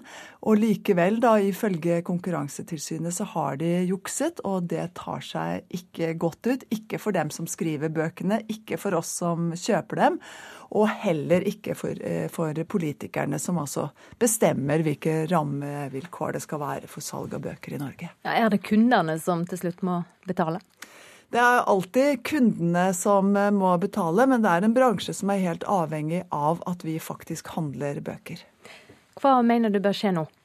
Ja, Først og fremst nå så må vi vente på det endelige vedtak fra Konkurransetilsynet, og det kommer nok først senere i høst. Takk skal du ha, Agnes Moxnes. Hovedsaken nå her i Nyhetsmorgen. Minst 36 mennesker mista livet i terrorangrepet i Istanbul sent i går kveld. Det er venta tallet på omkomne kommer til å gå opp. Tyrkiske styresmakter mener IS står bak. Arbeidstilsynet lover at indiske IT-konsulenter skal få full anonymitet dersom de varsler om brudd på arbeidsmiljølova. Og politiet i Tromsø er i ferd med å rulle opp en rekke store narkotikasaker. Flere er varetektsfengsla, og det er både nordmenn og utlendinger involverte.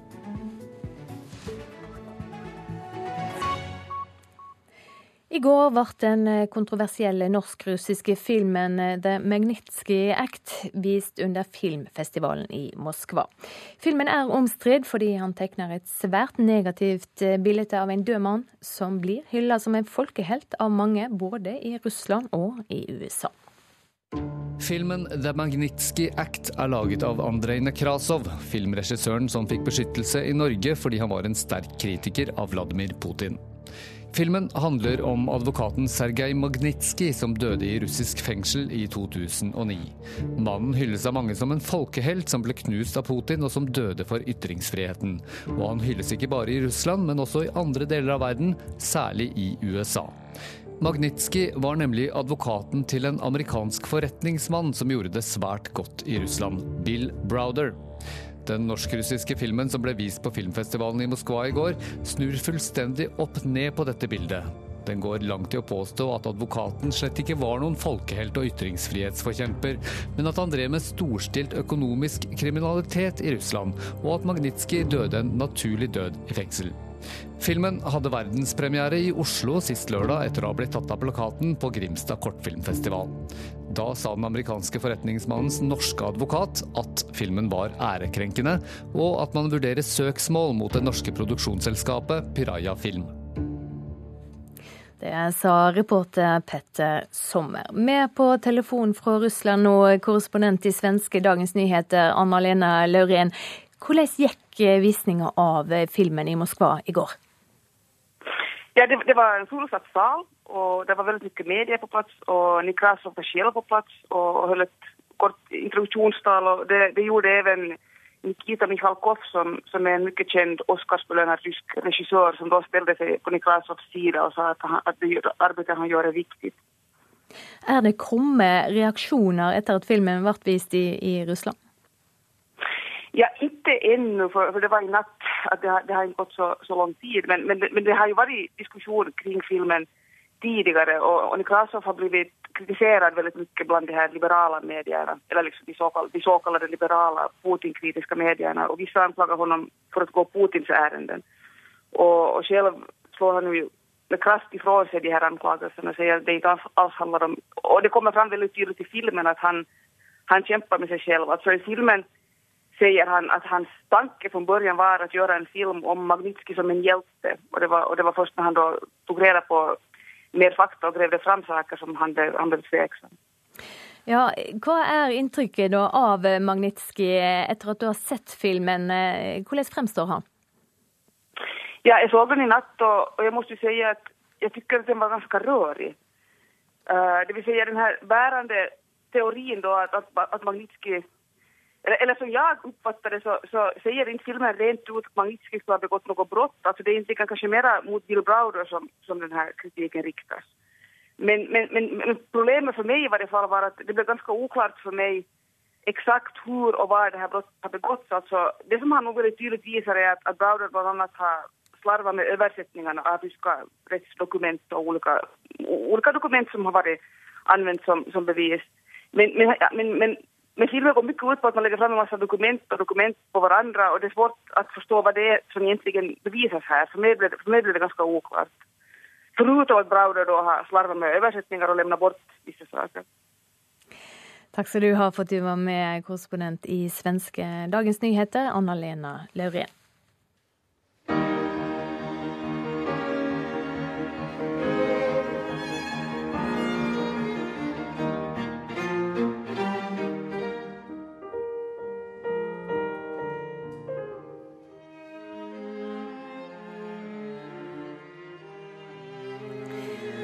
Nå skal det handle om den klassiske festivalsommeren her i Nyhetsmorgen. Her hører vi fra åpningskonserten under Risør kammermusikkfest i Risør kirke i går kveld. Der var bl.a. festivalen sine to kunstneriske ledere, fiolinist Henning Kraggerud og bratsjist Lars Anders Tomte, sjøl i sving i musikk av Mozart.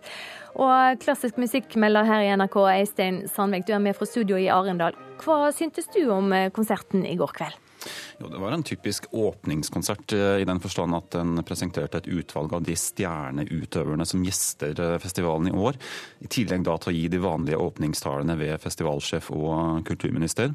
Så publikum fikk servert eh, fire verk denne vakre, solrike kvelden i, i Risørs barokkirke. Først en fiolinsonate av Bach med nederlandske Lisa Ferstmann og iransk-amerikanske Mahan Esfahani ved cembaloet. Så kom da denne klaverkvartetten i Estur av Mozart som vi hørte fra innledningsvis her, hvor det unge cellotalentet Sandra Lid Haga spilte sammen med de to kunstneriske lederne som du nevnte, pluss den britiske pianisten Paul Lewis. Og begge disse var anstendige fremførelser som kanskje aldri tok helt av. Etterlot kanskje et litt daft inntrykk. Men konserten fikk et betydelig løft etter pause. Da fikk først uh, The Doric String Quartet prøve seg, en ung britisk strykekvartett som fremførte et kortverk av den 80 år gamle festivalkomponisten i år, Gia Kansheli. Han er opprinnelig fra Georgia, men har bodd i Vest-Europa siden Sovjets sammenbrudd. Den ble fremført med stor konsentrasjon i uttrykket, voldsomme kontraster og helt fritt for sentimentalitet. sentimentalitet veldig flott.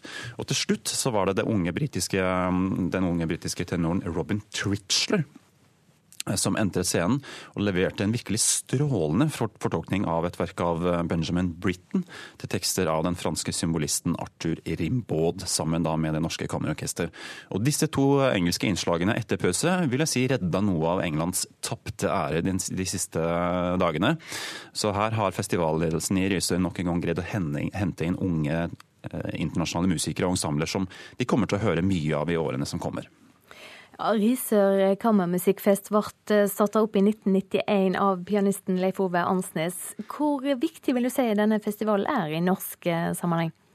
Den er viktig, selv om det er blitt veldig mange sånne kammermusikkfestivaler etter hvert. Både i Oslo, Trondheim og Stavanger osv. Men den har noe spesielt gjennom sine, sin intimitet og sine vakre omgivelser i denne trekirken i Risør, hvor mange av konsertene foregår. Man kommer veldig tett på utøverne, og den klarer fremdeles å samle gode norske og internasjonale musikere, og også lokke renommerte komponister til småbyen.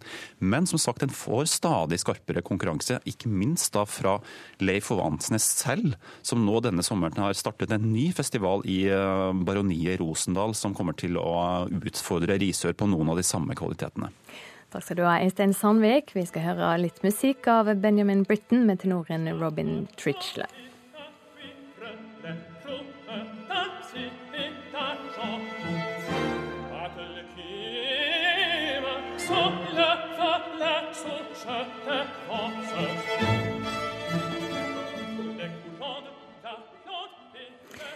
Vår melder Øystein Samnik er tilbake med flere mer omtale fra Risør kammermusikkfest i Sommerhuset her i NRK P2 i morgen klokka 13. Så skal vi ta en kikk på dagens avisframside. Ferien ble til et mareritt, skriver VG om angrepet på flyplassen i Istanbul sent i går kveld. Den tyrkiske flyplassen er en av de ti mest trafikkerte i verden. De fire store konsulent- og revisjonsselskapene fikk 1400 søknader til 22 sommerjobber, skriver Finansavisen. I Norge er dette måten å komme seg inn i et konsulenthus på, sier en av de som klarte å få jobb. Aftenposten har vært i Wales og snakka med folk som røysta for at Storbritannia skal gå ut av EU.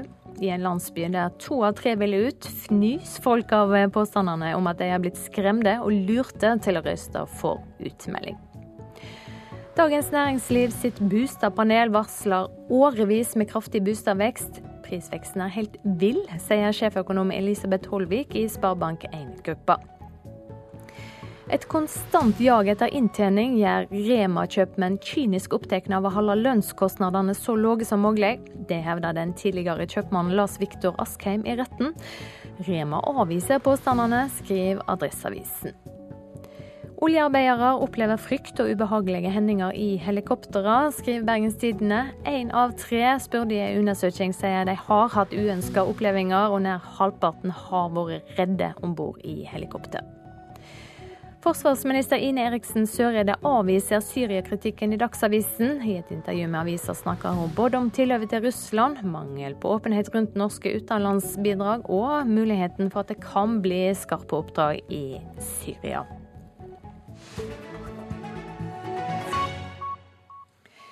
Nedlegging av trykkeri fører til at stadig flere papiraviser får tidligere deadline. Senest i går kom nyheten om at eh, Skipsted legger ned trykkeriet på Forus ved Stavanger. Det betyr at avisene i byen mister kveldsnyhetene i papirutgåva. Likevel mener redaktørene at innholdet i aviser, blir styrka fordi trykkeriutgiftene går ned. Nei, det betyr ingenting for meg. Jeg, jeg leser egentlig mest eh, overskriftene. ja, jeg tenker at En papiravis er vel såpass utdatert når jeg kommer på trykk uansett, så et par timer fra eller til kan vel ikke gjøre så stor forskjell. På gata i Stavanger er det delte meninger om at de lokale papiravisene vil få færre ferske hendelsesnyheter framover. Ja, det er vel både òg, men nå har jeg tilgang på nettavis òg, så jeg kan oppdatere meg der. Så, så da er det egentlig greit for meg.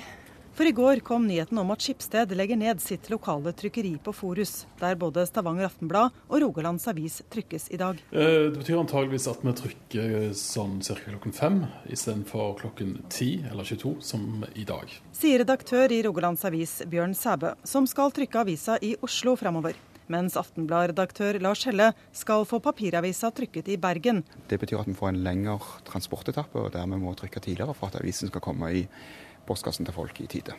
Ja, Hva skjer med deadline? Ja, Den blir nok flytta kanskje en fire-fem timer. Vi må fullføre papiravisen kanskje i seks-ti over kvelden, sånn som det ser ut nå. Men dette er noe vi skal jobbe med utover høsten. Etter at Skipsted også la ned sitt trykkeri i Kristiansand i fjor, ble trykkingen av Fedrelandsvennen, Lister og Lindesnes Avis flyttet til Forus. Et av to trykkerier i Bergen ble også lagt ned pga. overkapasitet i bransjen. For abonnenter som leser morgenavisa på papir, får overkapasiteten i trykkeribransjen konsekvenser, bekrefter Helle og Sæbø. Det blir at en del av de tingene som skjer på kvelden, fotballkamper og kommunestyremøter og den type ting, ikke kommer med i vår papirutgave. De kommer selvfølgelig med i alle våre digitale utgaver. Men det er jo ikke sånn lenger at folk venter til neste dags papiravis for å vite hvordan det har gått med Viking. Det er noen timer forskjell. Så det er klart det gjør jo at papiravisen blir litt mindre aktuell. Det er selvsagt et tap, men det er jo ikke noen katastrofe. det er det jo ikke. De to redaktørene har nemlig større problemer å hanskes med. Staben er mer enn halvert de siste årene. Den digitale revolusjonen har tappet avisene for annonseinntekter. Med ny trykkeriavtale sparer avisene store penger, sier Helle. Vi, vi sparer penger, tryk, trykkeriutgifter, og det betyr at vi kan verne om vårt kjerneoppdrag, innholdsjournalistikken, i, i, i, større grad. Og medieforsker ved NTNU, Jens Barland, tror de vil styrke papiravisene, det som nå skjer. Dette er jo en overlevelsesstrategi i et knalltøft marked hvor det er inntekter som vinker, og da må man spare på de kostene man kan greie å spare på. Jeg er helt sikker på at man ut fra journalistisk ståsted absolutt ikke ønsker en sånn utvikling. Så for å få mer journalistikk, så får man heller kutte mer på disse produksjons- og distribusjonskostnadene. Den som vil vite resultatet mellom Island og England, han har eh, allerede sett det på fjernsyn, eller får det på nettet. Sier Stavanger Aftenblads tidligere sjefredaktør, avisjunkie Tor Bjarne Bore. Men det det betyr, er etter mitt skjønn at det må legge enda mer større vekt på på den analytiske journalistikken, som folk klarer hvorfor ting skjer, hva som kan komme til å skje. Reporter i Stavanger, Anette Johansen Espeland.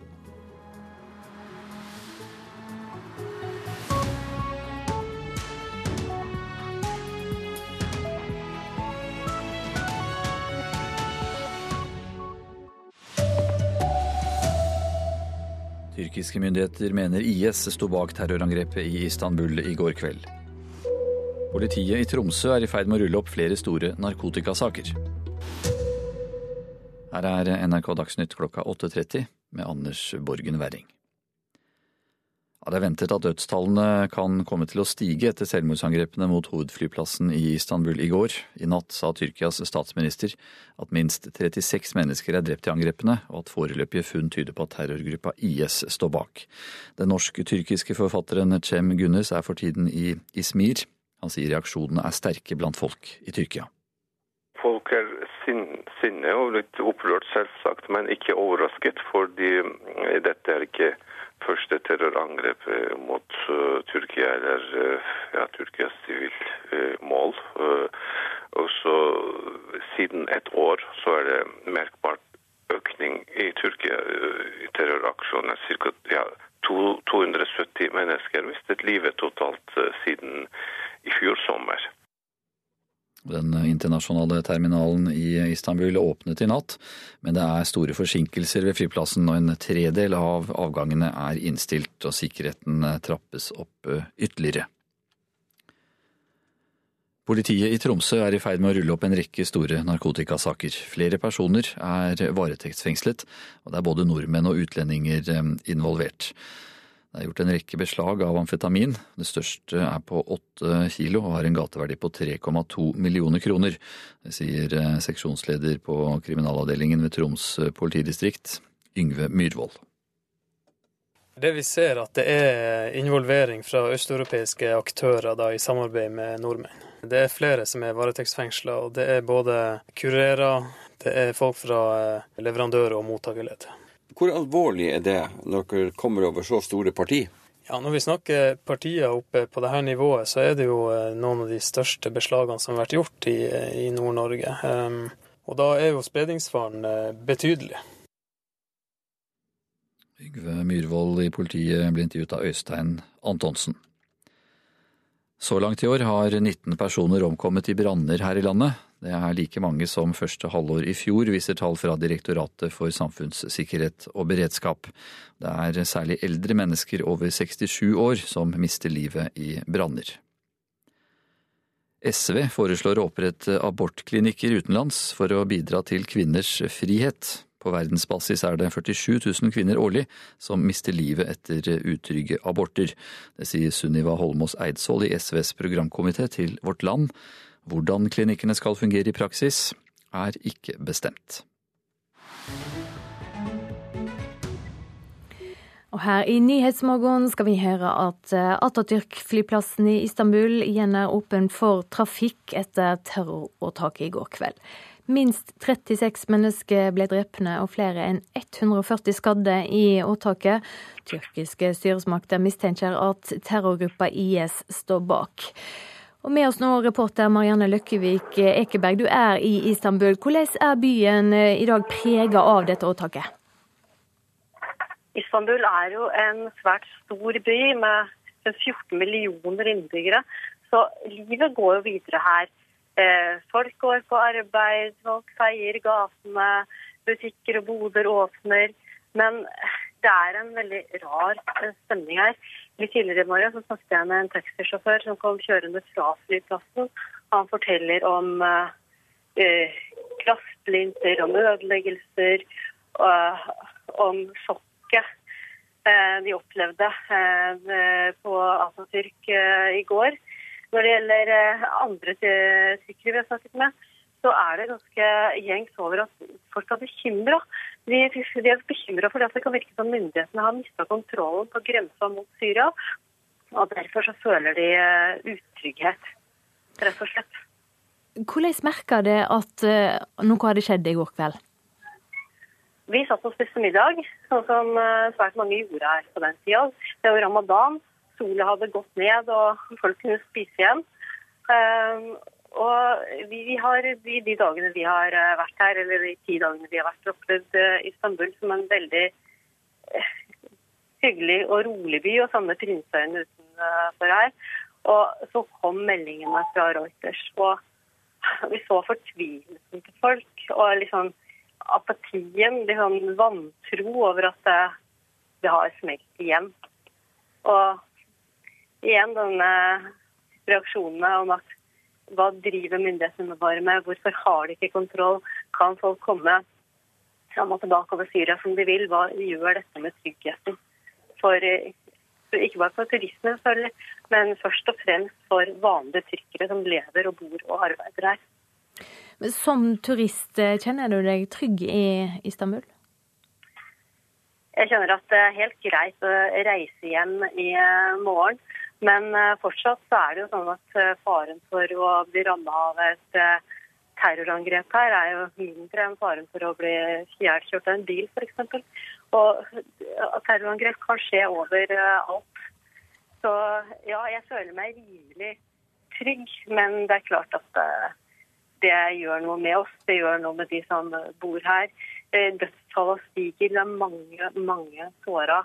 Og vi kjenner jo på fortvilelsen til alle de rundt oss. Og det er ikke et greit sted å være på ferie nå. Takk skal du ha, reporter Marianne Løkkevik Ekeberg. Og det er ingenting som tyder på at nordmenn er direkte råka av terrorangrepet, ifølge norsk eh, UD. Og I natt sa statsministeren i Tyrkia at foreløpige funn tyder på at det er terrorgruppa IS som står bak eh, terroren. Eh, i går kveld. Og det er mye som tyder på at dette er et IS-angrep. Det sier leder av eh, Senter for internasjonal og strategisk analyse, Helge Lurås. Det er nok mest, aller mest sannsynlig at det er eh, IS. Det er jo også andre grupperinger som bedriver terror i Tyrkia. Men måten det er gjennomført på, det faktum at det er gått direkte på et sivilt, tungt, også symbolsk mål som flyplassen i Istanbul, tyder vel på at det er IS eller muligens Al Qaida, men de har jo også mye mindre kapasitet i Tyrkia enn det IS har. Ja, hva er det som kjennetegner IS-åtak? Det vi har sett i løpet av de siste månedene og for så vidt årene, er disse sammensatte angrepene. Det er gjerne flere personer involvert, og så bruker de både våpen og sprengstoff.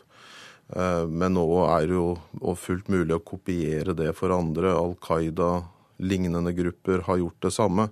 Men når det gjelder å ha den kapasiteten og gå så direkte på sivile mål som de gjør her i Tyrkia, så tyder veldig mye på at det er IS også, med tanke på selvfølgelig at eh, de har hovedsete i Syria, som er et naboland til Tyrkia. Du nevner Al Qaida. Hvem andre er det som kan tenkes å stå bak? Det kan jo tenkes at det er eh, grupper tilknytta kurdiske separatister. Men eh, de har stort sett forsøkt å angripe tyrkiske myndighetsmål, altså uniformerte mål som politi og militære. Og jeg tror også at de vil være veldig forsiktige med å få dette terroriststempelet på seg i en situasjon hvor de forsøker å få anerkjennelse for sin egen kamp. Så selv om de nok har kapasitet til å gjøre det, så tviler jeg veldig sterkt på at det er kurdiske grupper som, som har stått bak. Det er jo også andre typer terrorgrupperinger eh, knytta til eh, venstre, radikale grupper som har gjennomført terrorangrep i eh, i Tyrkia tidligere, men det har gjerne vært av mye mindre omfang enn det vi ser her. Ja, Det har jo vært en rekke terroråtak i Tyrkia de siste par åra. Hvordan vurderer du trygghetssituasjonen i landet nå? Det, det, har vært mange terroraksjoner, som du sier. Det, jeg tror det kommer til å bli flere terroraksjoner også framover i Tyrkia. Også pga. den intensiverte kampen som tyrkiske myndigheter nå har begynt å føre mot, uh, mot, IS. Og den svekkelsen IS har på bakken både i Syria og Irak, så vil de nok eh, slå tilbake med terroraksjoner, inkludert uh, mot Tyrkia. Men når det er sagt vi snakker om et veldig stort land. Det er åtte millioner innbyggere i Tyrkia. Eh, det er nok ikke sånn at eh, livet i Tyrkia kommer til å stoppe opp, eller at sannsynligheten for å bli utsatt for et terrorangrep i Tyrkia kommer til å være veldig stor. Men at vi med jevne og ujevne mellomrom vil måtte høre om terror i Tyrkia framover også, det tror jeg nok er dessverre ganske sikkert. Så skal vi høre at eh, førsteministeren eh, i Skottland, Nicola Sturgeon, får møte EU-kommisjonens president Jean-Claude Juncker i Brussel i ettermiddag. Håpet skal være å forsvare Skottland sitt tilhøve til EU, slik at skottene kan bli værende i unionen. Og korrespondent Espen Aas, hva kan Sturgeon vente seg å oppnå? Vel, eh, selv om Storbritannia nå har vendt EU eh, e ryggen, så er jo Skottland veldig veldig positive til EU. Eh, e nå er jo konstruksjonen for Skottlands del litt komplisert, i og med at landet Skottland er en del av også landet Storbritannia.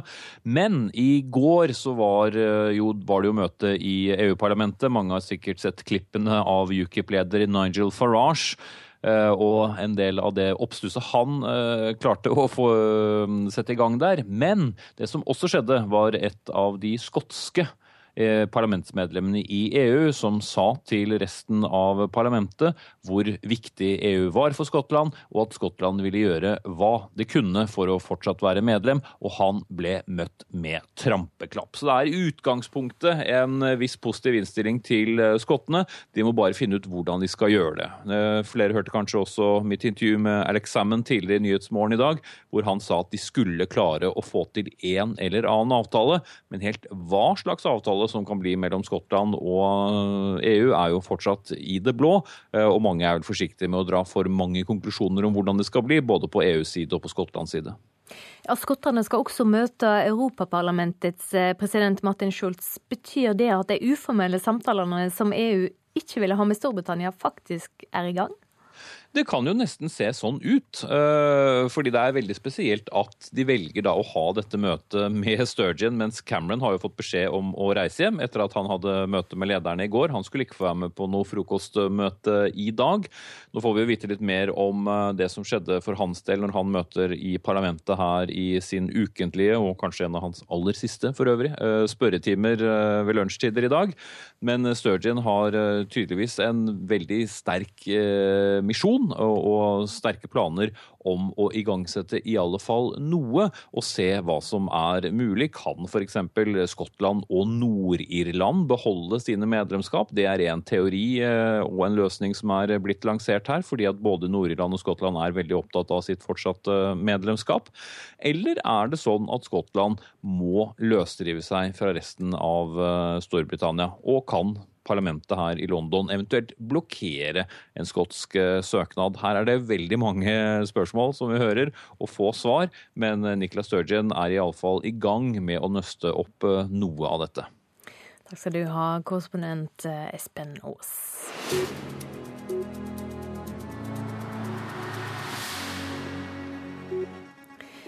Norge er ikke lenger verdens beste land. Finland, Sverige og Danmark er mellom de som har gått forbi. Det er ikke tilfeldig at de nordiske landene topper lista over verdens beste land å bo i. Det sier historiker og sosiolog Sanna Saroma. Ei fersk levekårsundersøking slår altså fast at Norge har fallet fra første til sjuende plass igjen i fjor. Nå er det Finland som ligger øverst. Dette går jo på dette med, med, tillit til andre mennesker, altså sosial kapital. altså øh, dugnader, altså Med dugnader bygger man på sosial kapital og tillit hver eneste dag. Saroma, som pendler mellom Finland og Norge, peker spesielt på én avgjørende faktor i de nordiske landene. Det som er veldig ekstremt bra både i Finland og i Norge, er jo, er jo trygghet. Hun sier grunnleggende verdier har mye å si, men at vi som bor i de nordiske landene kanskje er blitt noe bortskjemte. Vi liker kanskje å tenke at vi har til en viss grad fått skjede. Altså det, er, det er selvsagt et element av flaks her også. Men, men, de har jo bygd opp disse nordiske velferdsstatene etter noen fornuftige prinsipper. De samme prinsippene finnes i alle nordiske land. Finland troner på toppen, mens både Danmark og Sverige ligger over Norge. Vi daler fra første til sjuendeplass på lista over sosial utvikling i 133 av verdens land. Folk i Oslo er ikke overrasket over fallet. Nei, det syns jeg overhodet ikke man kan ikke ligge øverst hele tida. I hvert fall ikke nå som det har vært så mye fokus på psykisk helse og sånn blant unge. da. At det er kanskje at folk er litt bevisste på det. Men det er ikke så langt til toppen, mener Anders Barstad, som forsker på levekår hos Statistisk sentralbyrå. Det viser jo at vi har veldig gode levekår i, i Norge. At vi er langt framme sosialt sett. Og avstanden opp til toppen til Finland er, er veldig, veldig, veldig, liten. Forskere fra flere eliteuniversiteter står bak undersøkelsen til Social Progress Imperative, som er finansiert av en rekke internasjonale selskaper. Norge gjør det bra på punkter som kriminalitet, tilgang til rent vann og andelen som bruker mobiltelefon og internett, men på andre områder kommer vi dårligere ut. Eksempler på det kan jo være selvmordsraten, som, eh, som ikke er sånn spesielt eh, lav. Vi har eh, mange som har slitt med overvekt. Og om vi kan klatre til topps av listen igjen neste gang, er det ulike meninger om blant folk i Oslo. Må vi det? Jeg tror Norge fort kan ta tilbake den førsteplassen, for å si det sånn. Absolutt. Hvorfor det? Nei, Det må jo være fint å være verdens beste land å bo i. Reportasjen var laga av Kari Stokke Nilsen, Randi Midtskog og Anna Rydland Nærum. Hovedsaken nå her i Nyhetsmorgen. Styresmaktene i Tyrkia mener IS sto bak terroråtaket i Istanbul i går kveld. Politiet i Tromsø er i ferd med å rulle opp flere store narkotikasaker. Og 19 mennesker har mista livet i branner her i landet hittil i år. Det er like mange som i første halvår i fjor.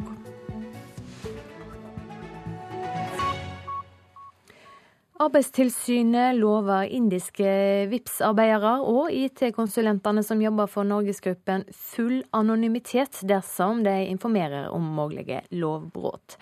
Samtidig iverksetter Norgesgruppen sin egen gransking av den indiske underleverandøren. Dersom de indiske arbeidstakerne frykter for jobbene sine, vil det bli krevende å komme til bunnen i denne saka. Det sier regiondirektør i Arbeidstilsynet, Ørnulf Halmrast. Vi vil aldri gå ut med hva enkeltpersoner eh, gir oss av informasjon i slike saker. En rekke indiske IT-arbeidere NRK har snakket med, sier de er livredde for represalier hvis de forteller om forholdene de jobber under i Norge. De er ansatt av store IT-giganter som leverer tjenester til viktige norske bedrifter. Veldig mange står i fare for å bli sendt hjem eh, hvis det oppfattes at de sladrer til myndighetene. Reporter Line Tomter. Over 1000 syrere i Norge har venta i over åtte måneder uten å få en eneste samtale med de som skal vurdere om de skal få opphold her i landet. Tidligere denne måneden gikk 24 flyktninger til sveltestrekk i håp om å få fortgang i asylprosessen. Shuan Allo fra Syria sier ventetida er tøff. Fishing is one of those things Fisking er det som holder tankene hans vekke. 30 år gamle Allo fra Syria står på ei kai i Førde. Fiskestanga i handa hans er godt brukt, for med livet på vent er det her han er for å få dager og timer til å gå. I ni måneder og to dager har han venta på ei samtale med norske utlendingsmyndigheter.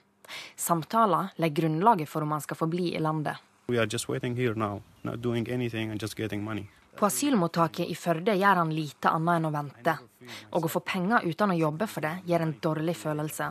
Really han er en av 1092 syrere som har venta i over åtte måneder uten å få en eneste samtale med myndighetene som skal vurdere om de får bli i landet. Tidligere denne måneden sveltestreika flere av de i protest mot UDI. Ann Margrit Austenå, generalsekretær i Norsk organisasjon for asylsøkere, sier ventetida får store konsekvenser. Største utfordringen er at uh, noen blir fortvilet og, og uh, går til desperate aksjoner som sultestreik. Andre uh, takler det ikke, går og grubler, forstår ikke hvorfor de ikke kommer til intervju, mister nattesøvnen og mister da også evnen til å konsentrere seg på dagtid og blir dårlige, rett og slett. Tor Magne Hovland, assisterende direktør i asylavdelinga i UDI, er enig i at det er for lenge å vente åtte måneder på et asylintervju. Nei, det er ikke greit, og, og vi mener at det er altfor lang tid. Så vi jobber jo nå med å, å, å ta inn alt dette arbeidet for å komme i en normal normalsituasjon igjen. Da. Nå lover UDI fortgang i sakene.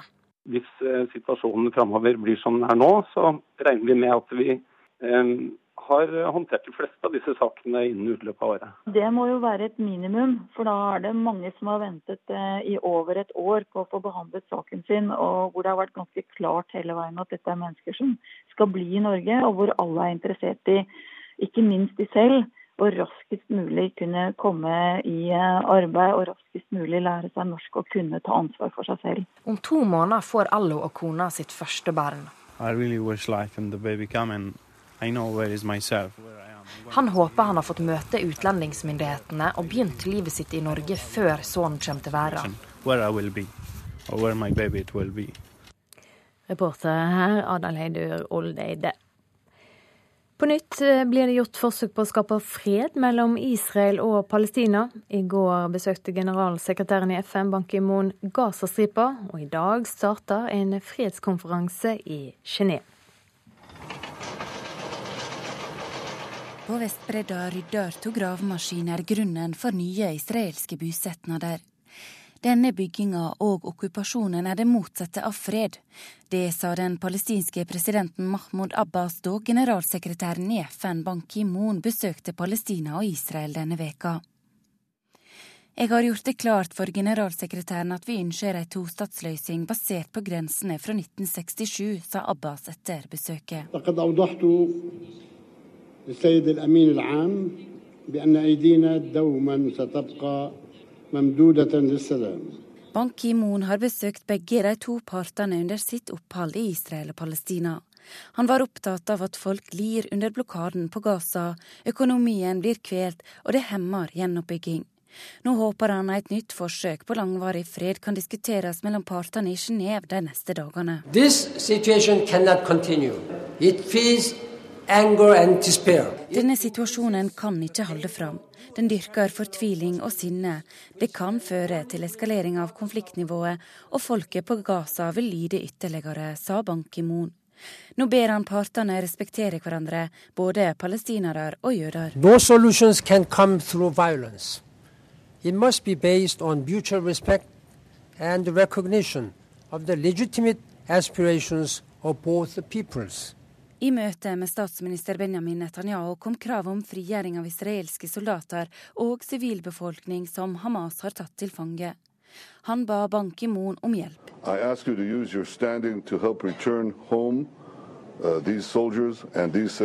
Begge parter møter i dag til fredskonferansen i Sveits. Rundt bordet i Genéve vil de møte FN, akademikere og fredsmeklere for å diskutere nye løsninger til fred. Det sa reporter Ann Irén Finstad.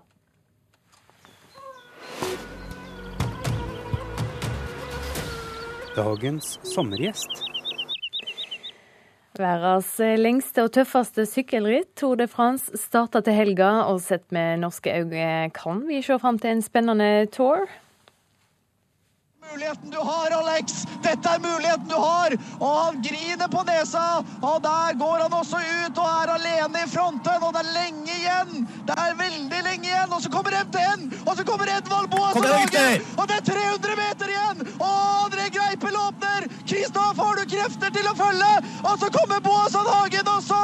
Men det blir vel Greipel eller Degerkolb, og så kommer Kristoff, og så kommer han ut! Nei! Nei! Ja, det ble nesten for Alexander Kristoff flere ganger i fjorårets utgave av eh, Tour de France, mellom annet det vi nettopp hørte. Med på telefon nå fra Danmark, Stein Ørn, trener og stefar til Alexander Kristoff. Hvordan går det med Alexander nå, bare få dager før start? Jeg synes det ser ganske greit ut. Han er godt restituert og veltrent, så verdiene også fysisk sett ser eh, flott ut. Men årets Tour de France kommer til å bli veldig tøft. Ja, hva kan vi vente oss eh, i år? Eh, for Alexander så håper jeg at vi kan løse noen av de problemene som har vært med opptrekkstoget hans, og at han kan være med oss og kjempe i teten på spurtetappen. spørsetappen. Og så har vi også Edvald Boasson Hagen, som har hatt en fantastisk utvikling i både fjor og i år. og har nådd et nivå nå som vi tror at vi kan se han kanskje til og med gull trøye etter andre etappe. Ja, Har du tro på en norsk etappesiger? Ja, jeg tror faktisk det er sånn som utviklingen ser oss nå, så er de to så skarpe at uh, dette kan uh, bli veldig spennende. Og så har vi jo fire norske deltakere totalt i Tour de France i år. Så sett med norske øyne så er det absolutt noe som uh, man bør se frem til. Hva gleder du deg mest til i årets utgave? Ja, det er tre år, med dram nei, tre, tre år til tre uker med dramatikk som, som hvor vi Bortsett fra de mest ekstreme fjell- og klatreetappene, så har vi røtter som kan bekle nesten enhver situasjon. Så sett fra norsk perspektiv så er dette her et av de mest spennende Tour de France vi går i møte. og eh, For mitt vedkommende så er det særlig førsteetappene jeg er engstelig for. for eh, hvis man ser historisk sett på det, skal det kjempes om gul trøye på første etappe og det er en spurt, så blir det alltid svær velt. og Det kommer til å ta ut to-tre av de sterkeste spurtene pga. Uh, krasj. Så jeg håper jo at uh, våre norske klarer seg unna det. Hva er det viktigste for rytterne nå de siste dagene før starten på dette knalltøffe rittet?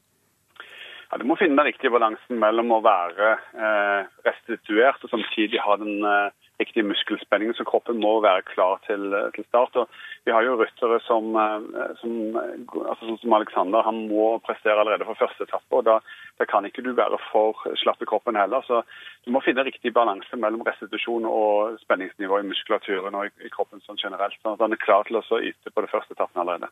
Hvor viktig er det mentale?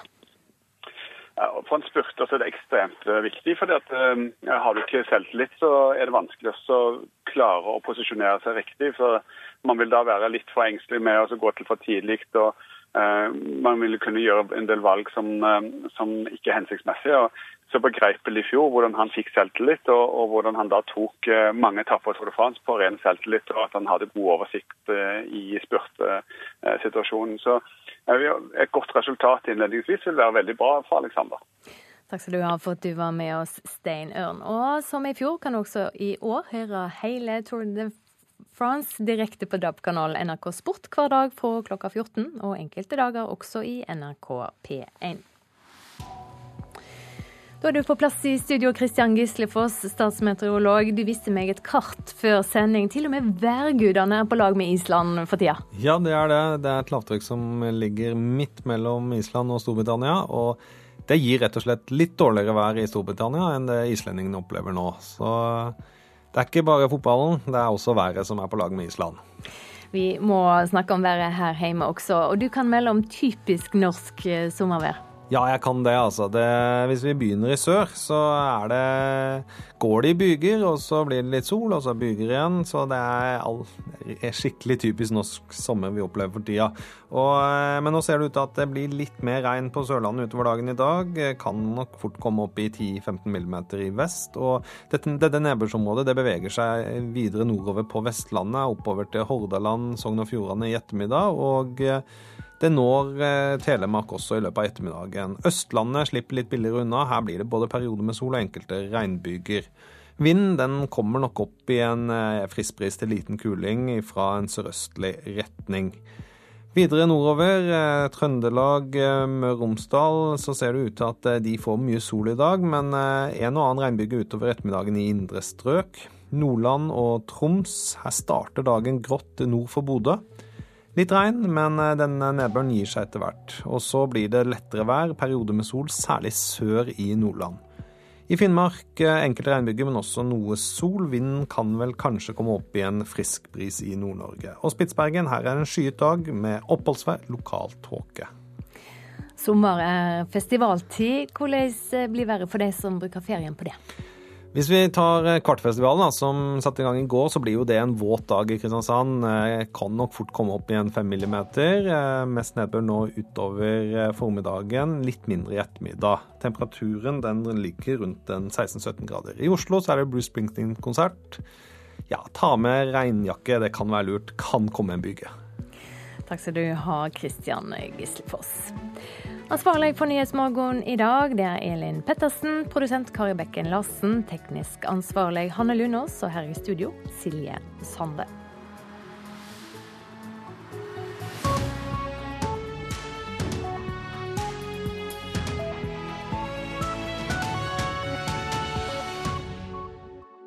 Hør flere podkaster på nrk.no podkast.